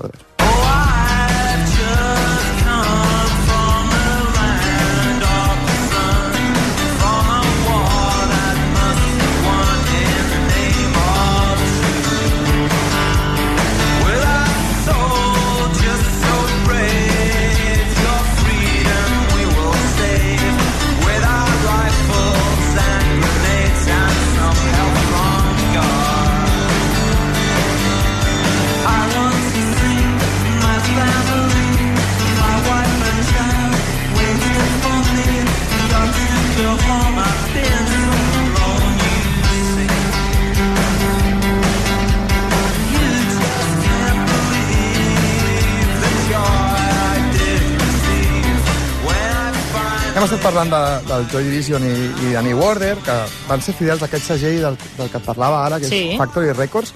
I ara encara? Factory... Hi són? No, no, no, Factory Ah, Records ja val, no existeix. Però ara et parlaré de la seva història, que és on comença Manchester, ara parlarem de Manchester. La seva és una de les grans històries de sempre eh, del pop. Factory és la unió d'un grup de persones supertalentoses que encenen una espurna i de repent tot de coses que s'estan coent exploten. En el seu cas és Manchester, és Manchester amb D, Sí, Mat. Manchester, de no és que ho hagis dit malament. Sí, eh? és l'escena musical dels anys 80 a la ciutat de Manchester i que tindria una, una importància capdalt, no només amb la música popular, sinó també amb les maneres de fer de, de la música indie, dels segells indie, i en la formació de la cultura de club. Això és molt important. A la cultura de club que tenim als 90 comença a Manchester en aquell moment. A Factory s'hi ajunten eh, tres persones molt importants. Una és el periodista Tony Wilson, el mànager Rob Creton, que era el, el mànager de Joy Division, i el productor Martin Hannett, que era el, el productor de Joy Division, que són absoluts visionaris del que estava per venir. El que, fan, el que van fer a Factory Records primer va ser obrir una, un club, Sí. una sala de concerts que es deia The Factory, a la que portaven els grups locals a tocar i després hi havia sessions de discoteca. Una cosa Era com tot un després- circuit, no?, que es Sí, retroalimentava. Exacte. De fet, el nom de Factory estava inspirat en el Factory de l'Andy Warhol, evidentment. A partir d'aquí van anar traient els discos dels grups que anaven al club i els agradaven. Eh, a Certain Ratio, el James, el Joy Division, els New Order, The Ruti eh, Column, i després de Factory canvia de local i es diu The Hacienda, que ara sí es converteix en una de les discoteques més importants de tots els temps, i el lloc on l'Acid House es fa, es fa fort i crea una nova corrent de música de ball. De cop, la discoteca és el temple, el DJ és el capellà, i es crea aquesta, aquesta cultura de club. A una nit d'Hacienda hi passaven 3.000 milions de coses, però sobretot és un lloc on la gent eh, s'ho passa meravellosament bé. I de cop i volta, a Manchester comencen a passar moltes coses i a sortir molts grups que vam havent d'aquesta escena, que cada cop més fusiona la música pop amb la cultura de club i la música de ball. I així es fan grans el grup que escoltarem ara, que són els Happy Mondays. Aquests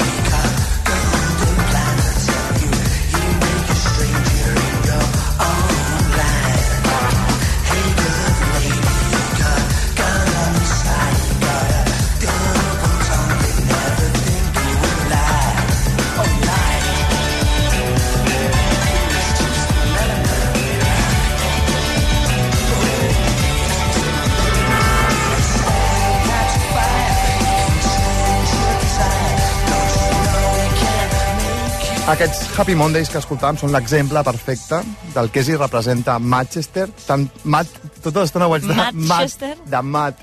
Eh, tant per actitud com per al seu so.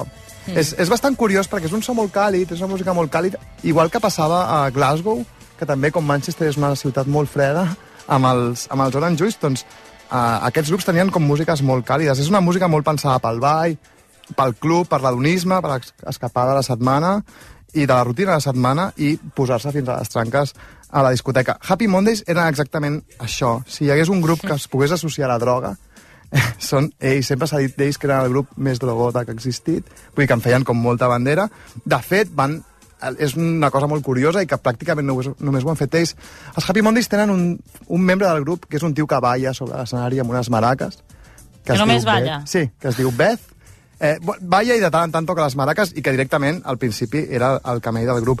Hi ha moltes anècdotes sobre ells, totes passadíssimes, am- absolutament desfasat.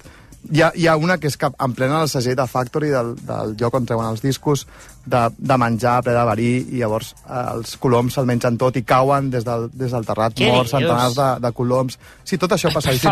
L'any l'any 1990 eh, eh, pràcticament certifiquen ells la mort de Factory Records, d'aquest segell clau, després de demanar que els paguessin un viatge a les Barbados per fer un disc i acaben tornant sense disc, però consumint 15 grams de cocaïna al dia entre tots. Uf. Es gasten tots els diners eh, que tenien destinats pel disc i pràcticament es carreguen el segell.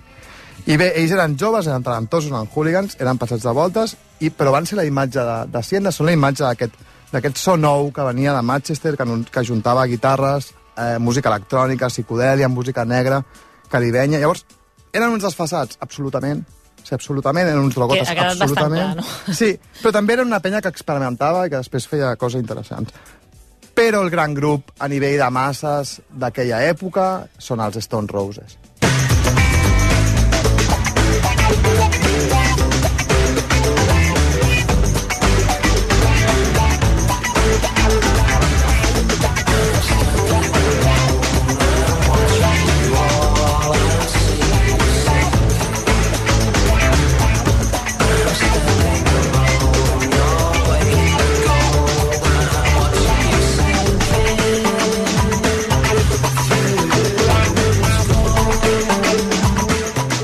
Potser Factory, que es va acabar... els conec, tampoc. Aquests són els Stone no. Roses. Potser Factory Records i tot aquell moviment de Manchester que se centralitzava en aquest segell eh, dut d'una manera ruïnosa, eren ab- absolutament ruïnosos. De fet, van fer... Hi ha una anècdota molt bona, que és que fan un disc de New Order, un single, que és més car a la fabricació que al preu de venda.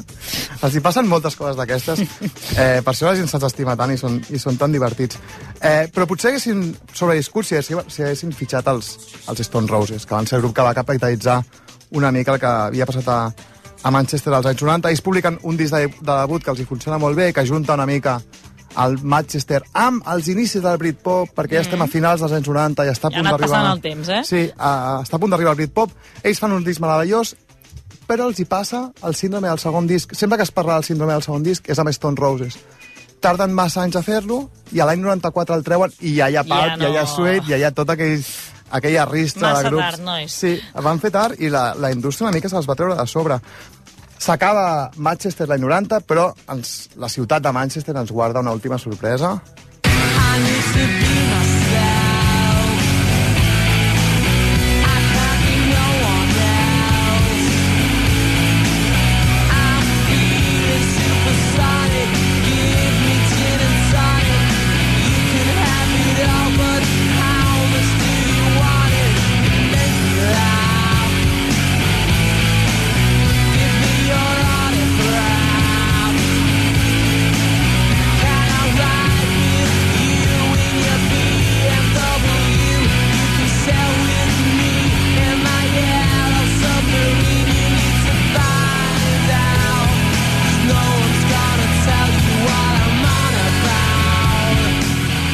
Encara que no ho sembli, els Oasis, que eren el grup que escoltàvem ara, Supersonic, que és el seu primer gran èxit, per dir-ho d'alguna manera, també veuen de Manchester, encara que no ho sembli musicalment, perquè el Noel Gallagher, abans de formar Oasis, va ser Roddy d'un grup de Manchester, els, Sí? els Inspiral Carpets.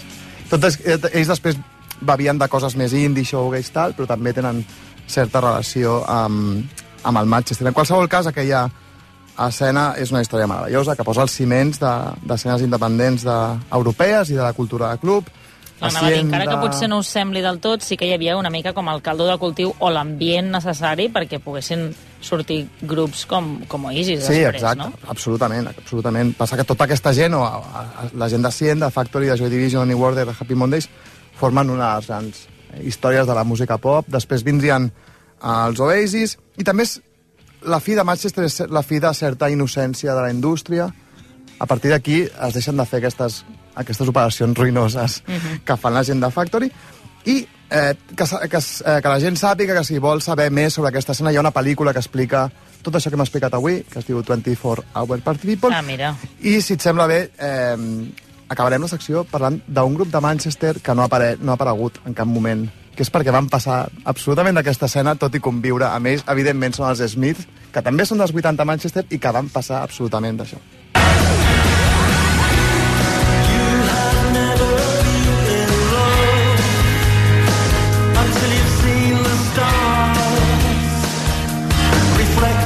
Doncs amb els Morrissey, Jordi, Era Morrissey, no els ens, Smiths. eh, ens, dir, ens, ens acomiadem fins la setmana que ve. Gràcies per fer-nos tot aquest repàs, un dia més que ens hem ubicat en aquest petit espai de la música. Gràcies, Jordi, que vagi bé. Nosaltres us deixem amb el Tu diràs. Bon cap de setmana.